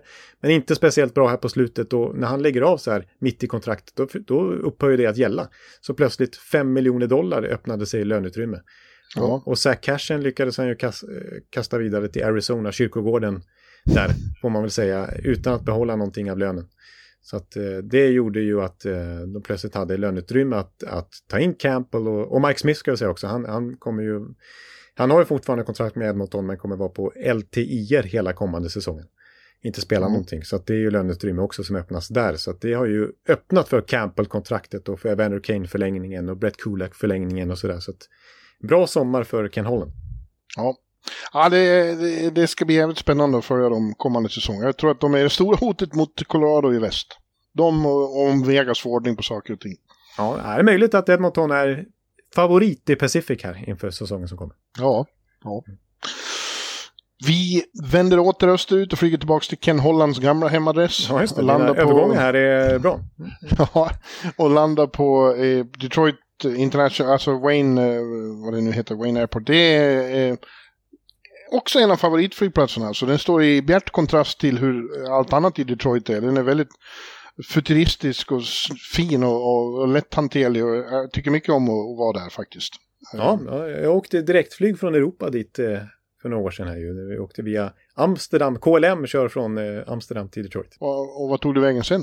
Ja, sen där träffade jag på Per Bjurman eh, på eh, det där stora fina downtown-hotellet. eh, Just ja, vi sågs där nere. Ja, just det. Så gick vi i Ja. Little, Little Caesars Arena och gick på match. Startade det. Vad åkte vi sen då? Sen åkte vi till, eh, åkte vi till Columbus sen då kanske. Kanske vi gjorde, ja. Eh, ja, och sen till eh, Pittsburgh och sen till New York. Eller Buffalo Ja. åkte vi till från och en sväng också. Ja, jag kommer inte riktigt ihåg. Just det, det gjorde vi ja. Ja. Kul. Ja. Eh, ja, hur som helst. Där har vi Detroit Red Wings som de har missat slutspel sju år i rad. Men nu kan det vara dags att de äntligen får se lite playoff-hockey i Little Caesars. För trots att han innan traden och så sa att vi ska vara tålmodiga eh, och det här är en lång process, sa Steve Eisenman. Men plötsligt så ändrade han sig och tryckte till på gasen får man säga. För första gången sedan han eh, tog över spockarna där, eh, ju, så har han varit väldigt aggressivt här och, aggressiv här och, och förstärkt alltså i samtliga lagdelar. Det är på målvaktssidan, det är på backsidan och det är framåt offensivt. Ja. Och det är eh, inte säkert att han är klar. För att där finns det också rykten om att Klingberg kan vara aktuell. Ja, du ser. Det, ja, det skulle inte förvåna mig utifrån hur Iceman har agerat här under sommaren. Det skulle ju vara... Det skulle också vara ett härligt lyft ju. Ja. Ja, det, absolut. Nej, men de är spännande Detroit. Vi kan ju nämna några namn här. Det är alltså Ville Husso som kommer in på målvaktssidan och ska eh, kampera ihop med Alex Nedeljkovic där. Och så är det Ben Sherrott och Olli Mäter på backsidan. Och så kanske någon till som jag glömmer här. Och så framåt så är det inte minst Andrew Kopp. Och inte minst heller David Perron. Ja. Och det är Dominik Kubalik. Och, och de kommer ju då till ett, en bubblande eh, talangpool eh, där det finns enorm potential hos... Eh, Larkin vet jag inte om man kan kalla eh, talang. Han är ju etablerad. Han, är- han är ju Stjärn- inte gammal. Han är väl typ 26-27 men han är så pass gammal nu så att nästa år är han faktiskt UFA. Och det här Ja. är nog bra signalvärde från Iceman om man ska lyckas förlänga med honom att han märker att oj nu är det på gång till slut här. Precis, det, är- bra, bra synpunkt. Det kan ju vara väldigt viktigt. Ja. Men vi har Lucas Raymond och vi har Moritz Seider. Båda nominerade till Calder och uh, Seider vann. Ja, nej, Raymond slutade väl fyra så han var otroligt nära att bli eh, topp tre där men fyra Ja. tror jag han kom. Ja, Ja, hur som helst. En Ja, st- ja. stor supertalang. verkligen. Och det finns ju fler. Vi har Simon Edvinsson som kommer in och det, det är ju... Eh, vad heter den andra eh, svensken som Elmer i- Söderblom och eh, kom ju över här som gjorde, gjorde han 24 mål i SHL förra säsongen. Och så Jonathan Berggren som kom över förra året och var så bra i AHL här. Ja, det var honom jag tänkte Ja, på. Ja. ja. Ja. Eh, ja, det finns... Eh, eh, det känns nu som de är på väg framåt redan på kort sikt, men har också, framförallt har de ju något jäkligt spännande på gång på lång sikt. Ja, precis. Och nu har de faktiskt omgärdat sin eh, talangpool med, med en hel del beprövad kvalitet då, också. Ja, ja. Jag, jag tycker man kan se Jakub Vrana som ett nyförvärv också med tanke på att han missade typ 75 procent av förra säsongen och var med först på våren och var väldigt bra då. Ja. Eh, nu är han med från start. Liksom. ja. Nej, eh, det händer grejer. Och det var, eh, var länge sedan jag var på hockey i Detroit. Jag tror inte jag var där sedan du och jag var där. Eh, det har inte funnits någon anledning. Nej, nej. Eh, synnerhet inte som man inte har fått träffa spelarna. Nu hoppas vi att vi får det kommande säsong och då kan man vara där och hänga med Lukas. Ja, just det, just det. Och du vet ju att jag har vissa eh, dubier ändå och satt och småsågade vissa av de här värvningarna i förra veckans podd. Men nu har jag varit så kritisk eh, mot Detroit och din Detroit-hype här. Eh, mm. Så att jag orkar inte vara det den här veckan heller, utan jag kanske får ny energi när vi kommer tillbaka i preview-poddarna med vissa eh, av mina frågetecken. Då. Men jag tycker absolut har, ser det mycket bättre ut eh, inför kommande säsonger. Det blir väldigt spännande att följa Detroit. Yes. Vi flyger till Texas och landar på monstruösa Dallas Fort Worth. Det är ju en eh, stor fri, där har vi landat tillsammans också. Ja, det har vi gjort. Mm. eh, och, och tar oss in till The Big D. Eh, där vi har Dallas Stars. Eh, som, eh, man vet inte riktigt var de befinner sig heller. De har skaffat en ny coach i Peter Bohr. I övrigt har inte hänt så mycket annat än att Radulov försvinner och Klingberg då försvinner. Ja, precis. Och det öppnar ju ändå lite löneutrymme. Mm. Jo, för det var ju två... Eh, Radulov hade över 6 miljoner dollar per säsong och är borta nu. Och Klingberg var ju underbetald som sagt, men ändå över 4 miljoner per säsong. Eh, de har tagit in till exempel, som vi har redan nämnt, Mason Marchment då. Mm. Eh, som är lite chansning, men eh, gjorde ju väldigt mycket poäng i tredje kedjan i Florida. Men han gick ju, häromdagen gick han ut, ägaren, vad heter han? Ja, han den... Gull, gull. Ja, jag, jag tappar bort namnet på honom, men det, ja, det är vilds, ihåg... lite vildsinte. Ja, du kommer ihåg för några år sedan var det någon vd som gick ut och sågade spelare. Och, ja. och nu är han det igen. Han, han, sa att det, vi har otroligt för många spelare som underpresterar. ja, alltså, han, det var, då var det ju det att han kallade Seggin och Ben och så här för någonting med shit. Tom, Tom Gaglari. Ja. Tom Gaglardi. Ja. Han är Svåruttalat. supermiljardär. Uh, ja, men nu, nu, nu är det överhuvudtaget för många. Det var inte han som sa det då. Det var ju som sagt någon underordnad. Mm som alla undrar, who the fuck are you? ja. Eh, men nu, nu har Glardy sagt att det är på tok för många som underpresterar. Och han sa samtidigt att Jim Nill får vara kvar. Men det var ju något eh, nästan, eh, det var något hotfullt nästan i det. Att, att han inte, han måste få det här laget att spela bättre. Ja, ja, det, ja precis. Framförallt så, så är de nog besvikna på att det, liksom, när de väl klev in och skrev de stora kontrakten med Jamie Benn och Tyler Seguin, då vek ju deras karriärer nerför direkt. Mm. Eh, sen har de ändå fått in eh, Jason Robertson och Rope Hintz och Joe Pavelski som visserligen till åren har ju varit ett lyft i Dallas. Eh, Miro Heiskanen på backen. Miro Heiskanen, enorm... det är väl där man ska börja snarare. Ja, det, där har de ju enorm potential. Ja. Och Jake har Ottinger. Även på, ja, jag skulle just komma till det. På målvaktssidan har de ju också en som faktiskt kan utmana om att ta sig upp i det där yttersta elitskiktet. Om han spelar som han gjorde i slutspelet. Vilket var helt sanslöst bra. Alltså. Ja, det var rena då, var Vasilevski, Sjestjorkin. Eh, det var, ja, det var faktiskt, de hade varit stolta nästan, över det målvaktsspelet. Ja, det var nästan bättre alltså. För han ensam höll dem ju kvar i, det var väl Edmonton de mötte va? Calgary. Calgary, ja. Han var, han var helt snorbra några matcher. Så folk bara ruskar på huvudet. Det ska inte gå det här. Jag tror det goal saved above average eh, under den serien, bara sju matcher var det väl, så tror jag han hade typ tio mål fler borde, eh, borde han ha släppt in. Eh, tio, ja. liksom typ tvåsiffrigt liksom. Ja, han var otrolig. Där har de ju kanske en, en franchise-målvakt till och med. Ja. Ja men, ja, men det är ju som du säger, man tittar på de här namnen och, och det finns ju talanger. Vi, vi fick ju in eh, Jakob Pettersson eh, som eh, inte helt lyckades etablera sig men visade ju klass emellanåt, absolut. Ja, och sen så tror jag att vi kanske har en eh, Jason Robertson eh, eh, genombrottsman här kommande säsong. Eller så blir det nästa år först. Men, men Wyatt Johnston är en superprospect de har i sin pool där som de kommer säkert ge chansen här i höst. Som alltså vann poängligan. Om man räknar in alla kanadensiska juniorligor, OHL, VHL och QMJHL så gjorde han mest poäng av alla. Och blev MVP i OHL. Så att, eh, han kommer säkert ge chansen nu. Det är en jättetalang de har. Mm -hmm. Ja. Men eh, det, det, handlar om att få eh, de här namnen. Det har han ju rätt i ägaren. Det gäller att få de här fina namnen att prestera också. Eh, de, mm. Och det är upp till Peter Bourne nu då. Ja, det, han känns liksom spelstilsmässigt inte helt olik. olik. Rick Bones, mindre sympatisk.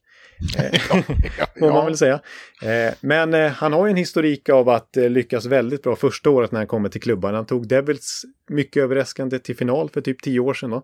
Första året han tog San Jose snabbt till final där och han tog ju Vegas till konferensfinal första säsongen. Oh. Så att nu är det första säsongen i Dallas och då ja, då är det konferensfinal är det sämsta han har haft. Så att, mm. Ja, ja det, finns, det finns möjligheter här men vi ska se att det blir gjort. Ja. Vi åker ut i flygplatsen igen, flyger till Columbus som vars flygplats eh, faktiskt eh, harmonierar med ditt intryck av hela staden som väldigt generisk. Det är ja. så här lätt, man kommer inte ihåg några detaljer därifrån. Ja, du minns ingenting, du vet knappt hur den ser ut. Nej. Nej. Och grejen är att vi, eh, för en vecka sedan hade vi tänkt, ja ja, Columbus, det finns inte mycket att säga om dem. Vi bara stökar Nej, över vi, vi, sticker, vi sticker till Colorado istället. Mm. ja, men eh, efter chocken under eh, Free Agency öppningsdagen så eh, finns det desto mer att säga om Columbus. För det var alltså de som kapade åt sig till allmän förbluffning, eh, får man väl säga, eh, Johnny Gaudreau. Ja, ja det var han, eh, han signalerade tydligt för klubben att jag vill dit. Och då, då var det som att Jarmo Käkkeläinen satte sig upp i sin kontorsstol och sa va? Vill ja, han, han satte kaffet i halsen. Ja, va? Vill han hit? Alla stjärnor vill ju någon annanstans. Ja. uh, och så skrev han ett uh, fett kontrakt med, med Johnny Hockey. Och uh, ja, det är såklart ett lyft. Ja, alltså han gjorde precis det som Chuck Fletcher naturligtvis borde ha gjort i Philadelphia. Liksom. När, när en sån superstjärna vill till dig och i princip nästan kontakta dig personligen snarare än tvärtom. Så måste man ju agera. För grejen är med, med Kekkeläinen nu, nu, jag menar, nu har ju inte de råd egentligen att signa Line, så ska de lyckas få ett nytt kontrakt med honom så måste de trada bort någon, eh, något rejält kontrakt, precis som Philadelphia hade behövt göra för att få in Johnny Gaudreau. Men det, får man den möjligheten, då är det klart man bara, äh, det är bara att signa direkt. Det löste sig ju väldigt snabbt där med Columbus. Ja. Eh, för att han insåg ju att vill han, liksom Johnny Gaudreau hit, 115 poäng förra säsongen, NHL, NHLs största stjärnor, det är bara fram med liksom papper, här, här är faxen höll jag på att säga. Liksom. Här, så. Och, och det, det löste de. Så att, eh, nej, kanske inte i den fasen att de förväntar sig att de skulle signa en liksom storstjärna på freenet-marknaden eller överhuvudtaget göra någon sån trade liksom. Men, men eh, det här eh, flyttar ju fram deras positioner ordentligt.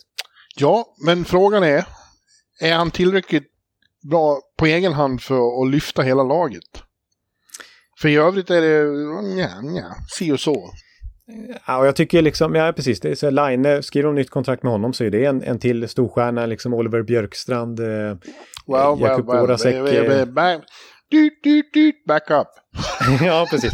Men sen, eh, någon riktig... Du. Ja, men får jag, jag har ju backa här, hörde du inte? Ja, du, du, ja, ja, ja tapp, tapp. Det är en sån här truck, eh, ja, jag har backa inte... här. Ja, du måste trycka på bromsen.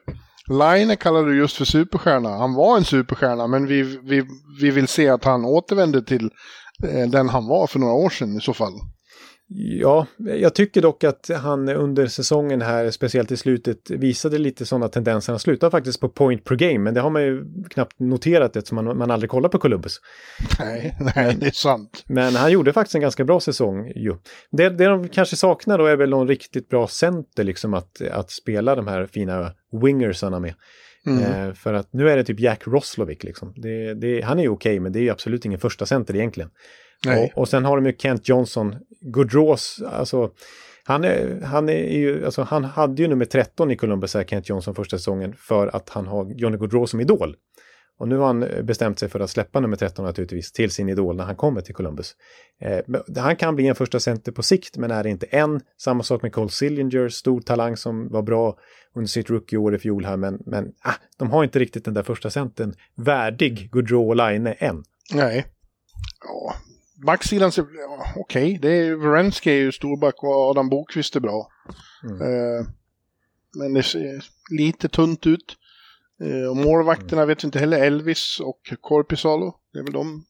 De har varit med ganska länge nu faktiskt. Eh, ja. Som duo. Ja, Blandar och det, Ja, det är väl inget märkvärdigt. Så jag, jag, jag har ju svårt att se att Gaudreau ensam tar Columbus till slutspel i, i en hård uh, division. Precis, och sen är faktiskt Gaudreau lite mer lynnig än han kanske har liksom eh, stämpel som. Jag menar, året innan här, det var någon säsong när han gjorde 52 poäng bara. Gick ner sig ordentligt. Han, liksom, han kan antingen göra 115 poäng som förra säsongen eller så kan han vara nere på 50-talet poäng bara. Så vi får ja. se vilken Gaudreau som dyker upp i Columbus här. Precis. Mm. Mm. Ja. Men, men klart bättre har jag naturligtvis skrivit ändå. Ja, bättre, men kanske inte tillräckligt. Nej, nej. Vi eh, åker vidare till Denver. Vi eh, eh, flyger från Columbia. Det går säkert inga eh, direktflighter mellan de två metropolerna. Men vi tar oss upp på höga höjder och landar på eh, en flygplats som jag verkligen avskyr. Ja, den efter, ju... den här, efter den här våren. Eh, hemsk monster till flygplats och allting.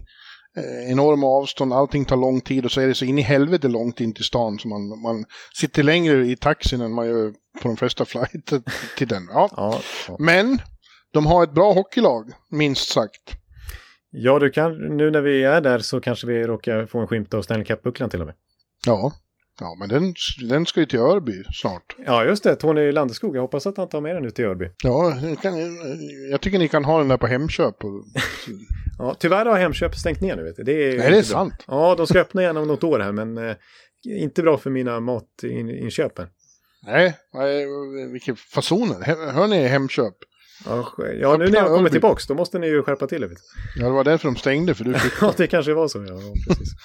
Ja, ja men eh, hur som helst. Där har vi regerande mästarna alltså. Och eh, det som alla har sagt redan, så fort de hade vunnit sa vi att det här kan komma att upprepas. De är så pass bra. Mm. Det är i och för sig säger man ofta, men eh, eh, och det är väldigt svårt att vinna två gånger i rad. Eh, har man klättrat upp för bergstopp som de har gjort nu, det händer ju att eh, motivationen klingar av en smula och det räcker med en smula för att, för att det ska eh, få effekt. Ja. Eh, det blir sån enorm lättnad när ett lag som Colorado som har kämpat så länge för att komma dit, kommer dit. Mm. Så det är, inte, det är inte givet. Men det är fortfarande ett, eh, ett bra lag. Absolut, för det är ju fortfarande den här kärnan med Nathan McKinnon som ju, alla är är ju liksom mitt i sin prime, verkligen. Ja. Alltså Rantanen, Landeskog, de är ju under 30 hela bunten. Cale McCarr är ju liksom, han är ju fortfarande väldigt ung. Så att det, Kel McCarr är långt från sin prime. Ja, och redan hur bra superstar. ska han bli? Ja, Ja, Nah, det, det var ett underbart coolt svar tycker jag av Gabriel när han fick frågan på isen. Eh, det här är en copycat League. Vad ska, vad ska andra lag göra för att spela det lika bra som ni? Och han funderade en sekund och sa well, find a Cale McCarr somehow. ja. ja. Ja, det är sjukt. Ja, det är sjukt. Den veckan alltså, eh, sista veckan på säsongen, han vinner Norris Trophy, han vinner Conn Smythe Trophy och han får lyfta Stanley Cup. ja. ja, det är han svårt är att toppa det. 23 bast eller något sånt där. Ja, helt otroligt. Eh, det som har hänt då är att de har, de har ju tappat lite ändå. De har inte kunnat behålla alla de vill behålla. Eh, Burra har vi pratat om, försvinner till Seattle. Och sen vet vi inte, Nassim Kadri går det ju fortfarande rykten om att de jobbar som fan för att få in honom igen. Ja, att han kan tänka sig kanske lite lägre lön för att få vara kvar där. Men det är ändå, de har så pass lite löneutrymme att det känns lite orealistiskt att, att han ska acceptera så pass låg lön eh, efter sitt career year här. Liksom. Han har ju chans att verkligen casha in efter denna säsong. Ja. Eh, och så försvann ju Darcy Kemper och då chansar de på att ta in Bulgaren från Rangers, alltså Alexander Georgiev. eh, ska i konkurrens med François då, Frankie, Ja. vara första målvaktare. Och jag, det känner jag tvekan inför. För att eh, Ja. han har kvaliteter men han har aldrig bevisat att han kan upprätthålla hög kvalitet under längre tid. Nej, liksom aldrig tagit chansen som första keeper och som mest stått 34 matcher under en, en säsong. Och när, som du var inne på förra veckan, när han har stått ett gäng matcher i rad, då liksom märker man att det här är en ojämn målvakt i det här läget av hans karriär. Kändes väldigt spännande för några år sedan. Eh, men eh, ja, Sjestolkin konkurrerar ut honom direkt och är solklar första målvakt där. Och jämför man deras statistik i Rangers förra säsongen, om vi, tar, vi kan ta räddningsprocent, så, så var ju liksom Sjestolkin var ju på helt otrolig nivå, nästan 94 procent var väl han nästan på. Medan Georgiev var under 90 procent och ser vi till goal saved above average så var ju alltså Georgiev... Nej, Sjestolkin, inte Georgiev. Sjestolkin lägger jag in så här i efterhand. Eh, Vi är lite trötta här på slutet, det tror jag kommer märkas.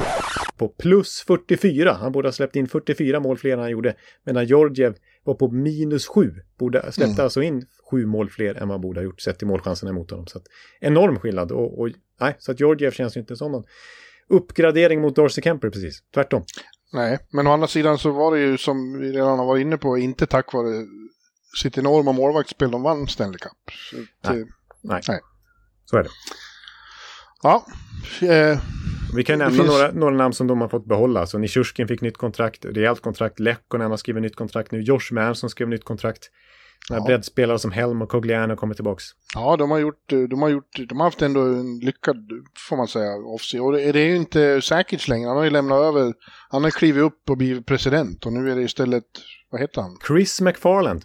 Ja, Som det ju har länge sagts att det är han som är eh, liksom dirigenten i bakgrunden där som eh, styr mycket vad som har hänt. Alltså till exempel så var det ju han som tog in Jared Bednar kan man säga från start för att de jobbade ihop i Columbus organisation tidigare och sen så kom ju han till McFarland till eh, Colorado och direkt kom Bednar efter det. Och Sakic var ju en rätt ifrågasatt general manager sina första år i NHL som, på den posten innan McFarland kom in där. Då hade han ju Patrick Rowe som coach och det var väldigt stormigt och de lyckades inte förlösa den här fina kärnan med McKinnon, med Landeskog, med Ryan O'Reilly på den tiden och Matt Duchene och så vidare utan eh, sen kom McFarland och, bör, och de började rada upp smarta moves så att han har nog väldigt mycket med deras framgång att göra. ja. Colorado-fansen har all anledning att fortsätta vara optimistiska, kan vi Ja, säga. ja. Det har däremot inte fansen i den stad vi flyger till nu, är den tredje största i USA, landar på eh, O'Hare, också en Ja. brutal flygplats, monster till flygplats som alltid ligger åt helvete för långt bort och alltid eh, eh, man hamnar i bedrövlig trafik till och från. Eh, Jag har faktiskt aldrig varit kommer- där och, och det låter inte som att jag har missat något. Ja, fast när du väl kommer in till Chicago så är ju det en, en, en magnifik metropol. Ja. Men deras hockeylag är ett sorgebarn på, på många sätt och vis nu för tiden. Eh, det- är ju bara bedrövligt. De, de är i princip öppna med att de tankar den här säsongen för att få så bra möjlighet som det går att, att vinna draftlotteriet och få eh, Bedard. Nästan Ja, Bedard. Conor Bedard. Ja, precis. Bedard, inte Bednard, ja, precis. Den eh, jättehypade, förmodade eh, first overall nästa säsong. Då. Ja, de eh, gör sig inte bara av med äldre spelare, de gör sig av med unga som är på väg och blir riktigt bra. Det Brinkat och, och, och company. Eh, Kubalik. Ja. Eh, Ja. eh, ja, allihop. Ja, för mig känns det nästan som att, alltså det här är min egen tolkning, men att, att eh, de vill verkligen klippa banden så rejält med Stan Bowman och hans gamla killar så att de, liksom för Kirby Dock, där sa ju Stan Bowman att eh, han var kär i honom. Och att, Ja. att när de tog honom som trea totalt, alltså jättehögt i draften eh, 2019, så, så var det en liten reach. Han, han skulle gå typ 6-7, men de tog honom trea för att Stan Bowman tyckte han var så fantastisk. Eh, och liksom, The Brinkett var ju ett hyllat eh, Stan Bowman-val i, i andra rundan och Kubalik var ju en smart signing från schweiziska ligan av, av Stan Bowman tidigare. Det känns som att de liksom, nej, bort med det där nu. Klippa banden helt med allt som har varit Chicago Blackhawks. Ja, det verkar som de skulle inte ha något mot heller om, om Taves och Kane försvann. Nej, att de egentligen vill det, men det påstås ju då att de vill få dem att ta det här beslutet själva. Ja. Utifrån vad de själva, hur, hur de, de ser att klubben agerar nu. Ja, och det tycker jag att de borde göra. Varför ska de vara kvar där för? Liksom, de, de är ju i slutet av sina karriärer. Varför ska de vara med om den här hemska eh, tankningen? Jag kommer ihåg Henrik Zetterberg sa en gång när, när det gick rykten om att Detroit försökte tanka. Han sa att om, om, om någon sa åt mig att vi ska förlora matchen medvetet, då sticker jag på en gång. Och det, så tror jag sådana som Kane och Taves känner också. Ja. Men, men tänk dig, och det kanske de är villiga att göra, för att det finns ju eh, stålar i den organisationen, alltså att behålla hälften av både Kane och Taves lön i en trade. För de har ju bara ett Ja. år kvar, sen är de UFAs. Alltså, Ja. vilken förstärkning att få Kane på typ 5 miljoner dollar per säsong. Alltså, Och det, finns ju, det går ju mycket rykten om att Rangers dreglar över tanken på att få hit honom och spela med Panarin.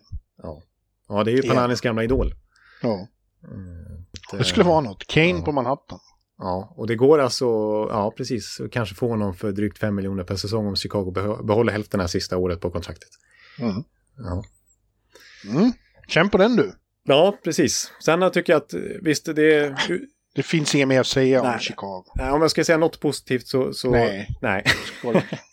Nej, men det skulle vara att de har ju signat ett års kontrakt med Max Domi och Andreas Athanasiou. Och det, jag menar, det kommer inte att göra någonting, men de kan säkert Nej. få ett andra runda val eller till och med ett första runda val från, något, från någon desperat klubb vid deadline. Ja, vad kul. Vad kul vad de ska sitta och jubla över det i United Center. Ja. Om nu ens United Center finns kvar, de kanske spränger den också. börjar de helt. Nej, vi tar flyger igen. Vi flyger ner Ja. till uh, uh, Raleigh. Där har de en väldigt fin flygplats. Den tycker jag mycket om. Den är stor men ändå behändig och snygg. Ja. Och, och, och det är härligt att vara där ute i, i skogs, sko- skogs... i lundarna runt Raleigh. Ja, vi- som du har kallat Ja. eh, arenan. Ja, ja. Och där har vi då Carolina Hurricanes. Som har har varit contender i några år och, och väl fortsätter vara det. Ja, precis. Det är ju eh, viss skillnad på laget de ställer på isen här till hösten. Eh, ga- eh, en del stora ingrepp och eh, ja, häftigt hur de lyckades få både Brent Burns och Max Pacioretty som väl visserligen har sett sina glansdagar. Men eh, att få dem för i princip ingenting. Det är ju rena lönedumpar av respektive lag de, de tar dem ifrån, alltså Sharks och Vegas. Men eh, Mm. det är ju eh, det är ju riktiga stjärnor. Ja, Pacioretty tycker jag är väldigt intressant för vad som har sagts i, i den mån Carolina har några svagheter och det blev väl tydligt mot Rangers i den eh, se, när de till sin förvåning åkte ur Mm. var att de har en, en, en världsklasscenter i Sebastian Aho men inte riktigt någon killer till målskytt vid sidan om honom. Eh, men det har, hävdar jag, eh, Max Pacioretty fortfarande potential att vara med en sån center.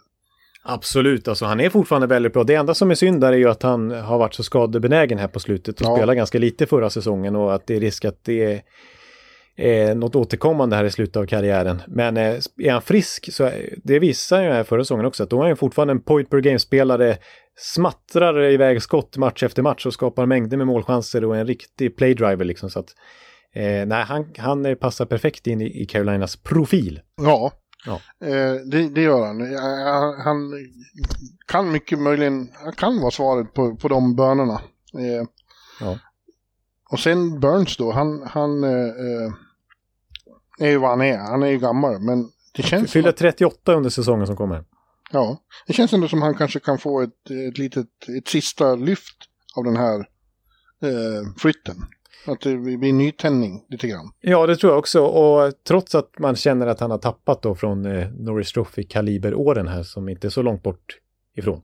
Det var väl 2017 och sånt där var Norris och han gjorde, gjorde Mm. mycket poäng. Men han gjorde ändå 54 poäng förra säsongen. Eh, Ja. Så att eh, det är fortfarande en, en bra back. Och som jag var inne på förra veckan så tror jag att han passar perfekt in i Rod Brindamores spelsystem som bygger mycket på att forward ska spela upp, eh, liksom i offensiv zon, spela upp tillbaks den upp till back och så ska det vara skott och trafik på mål och de behöver ha skottvilliga backar.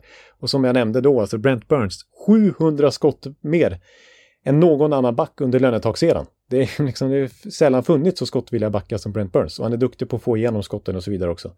Så Mm. att, eh, nej, jag tror han passar bra in i också Carolinas profil. Ja. Och de har bra förspänn på målvaktsfronten när alla är friska och hela. Andersen eh, är ju bra. Ja, han var ju väldigt bra förra säsongen. Mm. Sen eh, så har de ju tappat eh, Vincent Trocek. Det är ett hål där på andra, andra centerpositionen och eh, Nino Niederreiter ser de inte ut att ha plats med heller till exempel. Och Martin Natchez måste de försöka tränga in ett kontrakt med. Eh, så att det är lite upp till bevis också för Jesper Kotkaniemi tycker jag nu, som ju ska få chansen där på andra centerpositionen. Att han verkligen är så bra som de har... Alla pengar de har investerat i honom. Ja, de har ju, det har de ju onekligen gjort. Mm. Ja du, Ekliv. Nu börjar man känna att vi har hållit på ett tag här. Ja, jag, jag, jag är riktigt stum här nu. Vi, hur många lag har vi kvar? Vi är inne i det här C-träsket, vet du. Alla de här Ja. C-lagen som aldrig tar slut. Nej, men nu är det det sista. Vi flyger upp till Kanada igen. Ja. Och eh, det ska jag inte uttala mig om för jag har aldrig landat på Calgarys flygplats. Eh, men där har vi då Flames. Ett alltjämt lite chockat Flames tror jag. Eh, Ja. Som har förlorat sin stora stjärna i Johnny Gaudreau. De gjorde allt för att behålla honom. Erbjöd mer pengar än vad någon annan gjorde. Och mer eh, längre eh, term. Men han ville helt enkelt inte vara kvar i Calgary. Och nu står de med ett stort hål där. I sin trupp. Som in, alla vet att de kommer inte att hitta någon som kan ersätta honom. Nej, det är precis så jag känner att luften gick ur totalt i det där Ja. laget. För de har inte gjort någonting egentligen eh, på den här free marknaden Allt fokus var på Johnny Gaudreau och det sket sig och nu bara aj, aj, aj. Nu är det, nu är det kämpigt där för Gaudreau är ju, han var ju den stora kronjuvelen liksom. Och eh, han är borta och nu har de tuffa förhandlingar här med ett antal RFAs. Alltså Matthew Kitchuck har inget kontrakt just nu. Andrew Ja. Mango Mangiapane har inget kontrakt just nu. Oliver Kylington vill ju också ha en viss löneökning efter sin fina säsong i fjol. Så att... Ja, eh, Kachuk går ju till eh, arbitration. Och det, ja. det sa de uttryckligen att i och med att man gör det så, så skyddar man sig mot offer sheets. Ja, det var alltså klubben som tog honom till arbitration och inte tvärtom för att de inte ja. vill riskera ett offer sheet. För där har ju varit rykten i flera år att, att inte han heller vill committa sig i Calgary. Eh, det verkar så att många av de här USA-födda spelarna, Peter var ju samma sak med att han ville verkligen bort från Montreal för att de här covid-åren har varit jobbiga som amerikan om man är familjekär. Inte ja. kunnat flyga hem liksom. Nu ryktas det om kanske en ny covid-våg här till hösten och du vet ju, Per Bjurman gillar inte riktigt Kanadas coronastrategi så det kan bli nya restriktioner där. Och svårt ja, att resa. Det kan bli nya överallt, men ja. ja. Det är inte säkert att Kachuk vill skriva något långt kontrakt med dem heller. Nej. Men i övrigt så är det ju fortfarande ett väldigt bra lag. Om, om alltså mm. Elias Lindholm och, och Jakob Markström och, och, Blake Coleman och Backlund mm. och så. Det, det är kvalitet och de har fortfarande sin utsökta coach. Ja, så det var ju eh, även om Gaudreau var fantastisk och, och de, liksom Kitchak gjorde också över 100 poäng förra säsongen och Lindom gjorde över 40 mål så var det kollektivet Calgary man framförallt imponerades av under Daryl Sutter. Hur de ja. fogade in sig i hans spelsystem och blev otroligt svåra att möta, åtminstone under grundserien. Ja, ja vi får se. Så jag tycker inte de borde liksom falla ihop och inte vara slutspelslag. Nej, nej. Och det ryktas lite grann om nu att deras tröstpris kanske blir Nathan Kadri om de ska lägga pengarna på honom. Han har ju dock faktiskt tackat nej till en trade dit tidigare. När han var i Toronto så, så hade Calgary ett bud där, men det sa han nej till. Så frågan om han vill dit nu. Mm. Ja. Så att, eh, nej, luften ja, har gått ur. De har ju blivit sämre, det får man ju ändå säga. Ja. Mm. Ja, det är bara eh, hårda fakta det. Ja. Ska vi flyga igen? Ja, nu ska vi flyga till ett eh, grått ställe. ja. Men vi har tagit förbi ja. C-lagen. Ja, precis. Nu är vi på sluttampen här och flyger till Buffalo då.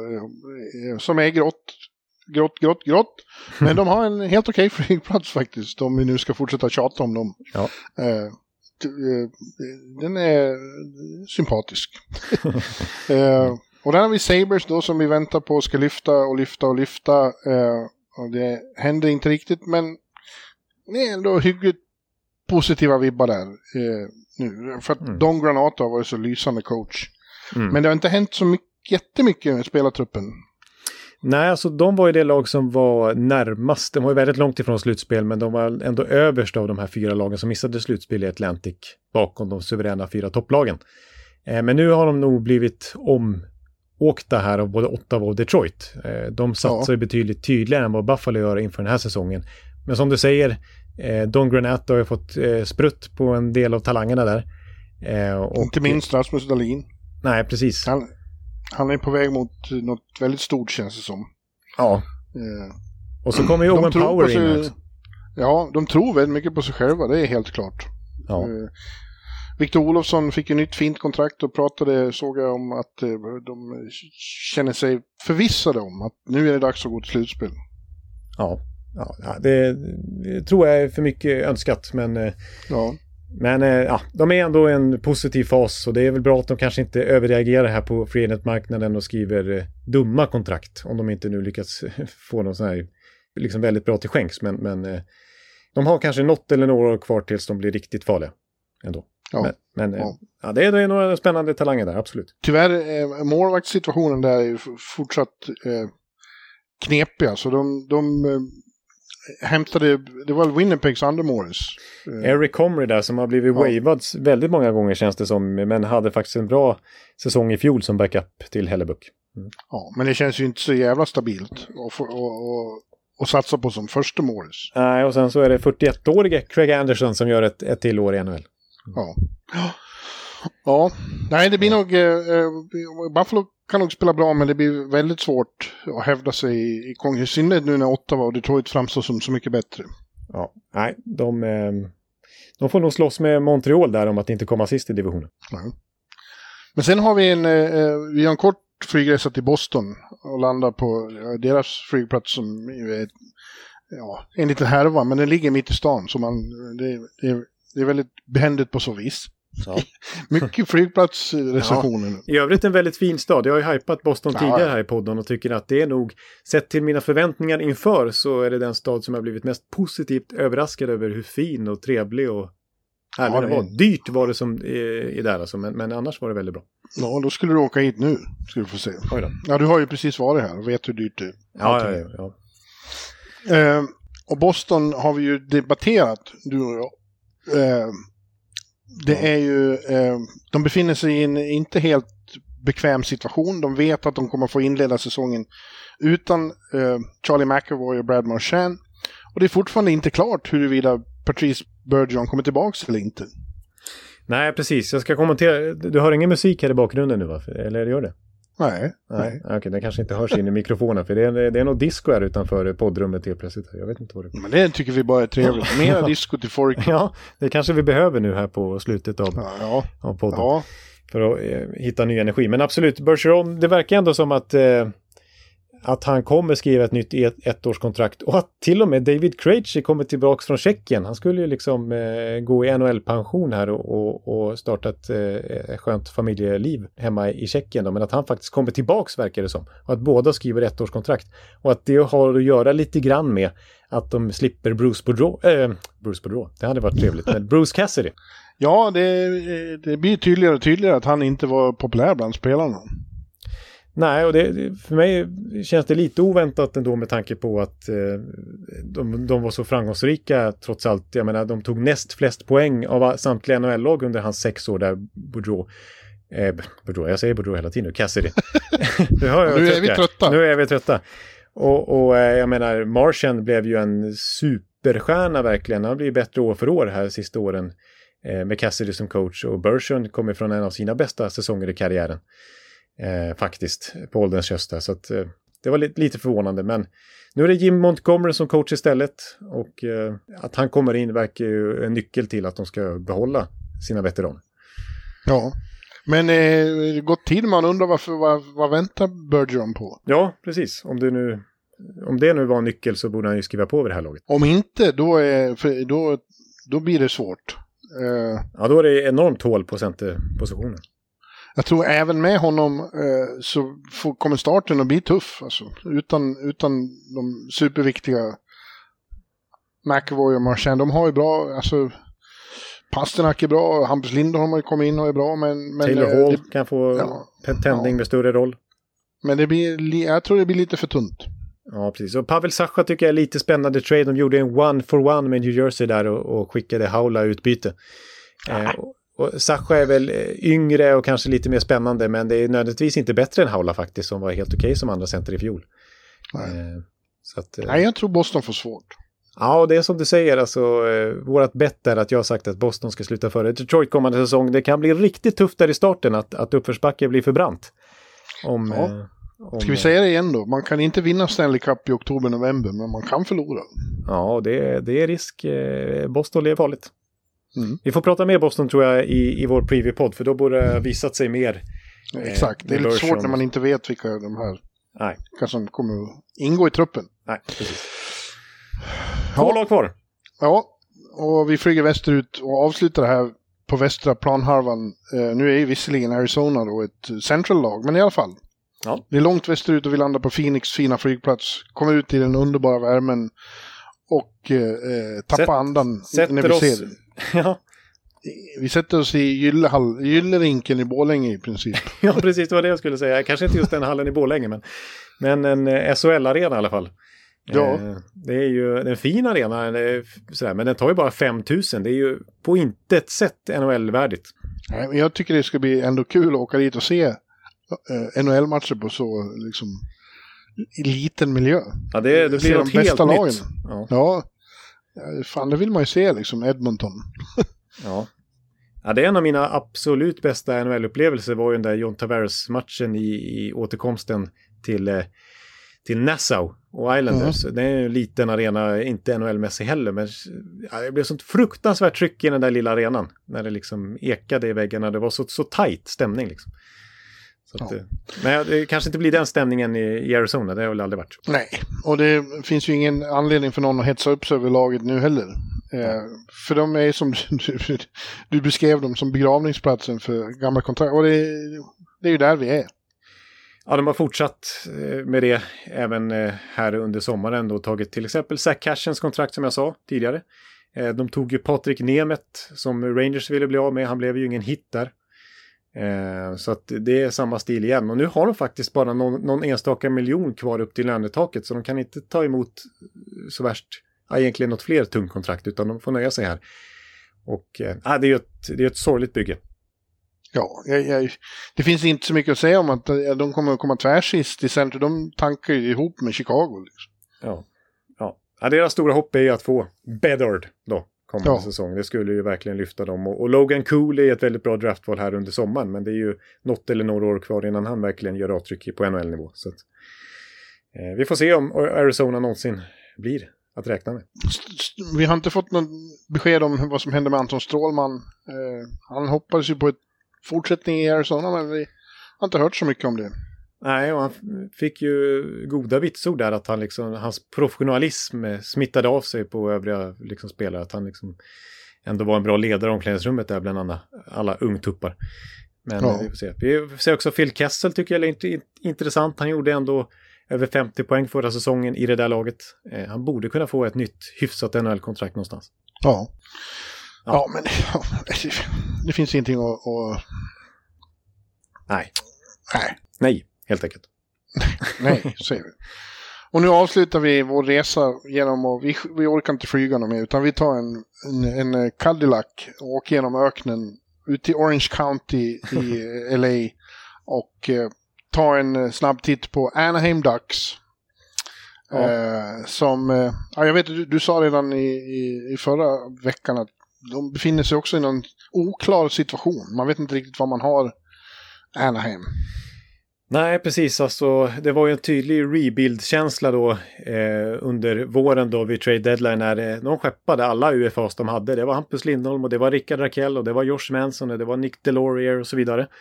Och nu när vi kommer fram till eh, att Free Agent-fönstret öppnade, då är de plötsligt lite aggressiva i alla fall och tar in eh, Ryan Strong på ett stort kontrakt, fem år för en snart 30-årig center och 5 miljoner dollar per säsong. Och Frank Vetrano tog de också från Rangers på ett kanske lite saftigare kontrakt än man väntat sig för honom.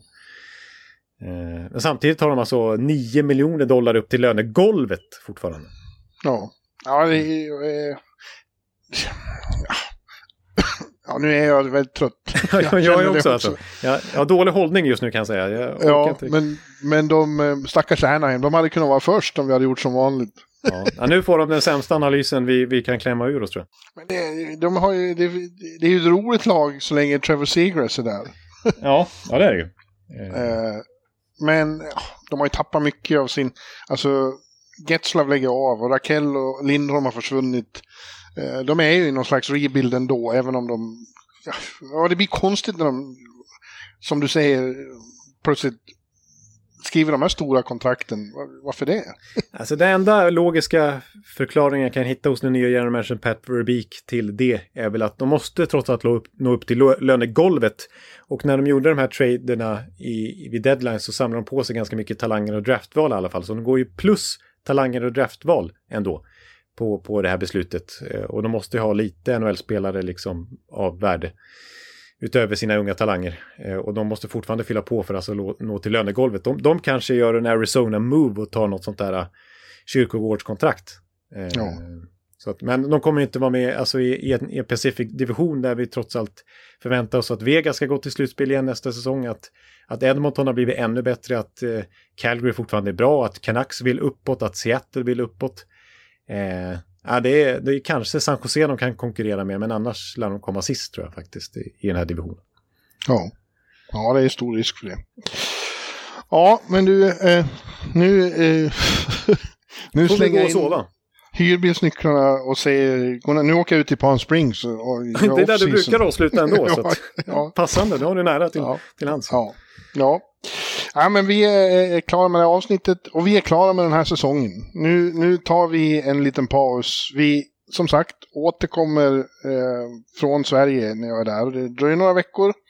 Och sen så vevar vi igång i september igen. Det blir kort uppehåll, men ändå ett litet uppehåll som vi behöver. Ja, det behöver vi, speciellt nu känner jag. Så nu har jag Ja. inte lust att podda på ett tag här. Nu vill, man, nu vill jag ha en pizza eller någonting. Alltså, jag är så hungrig också, för jag har inte ätit på hela dagen nästan. Och klockan är alltså över nio nu svensk tid. Så att, eh, Ja.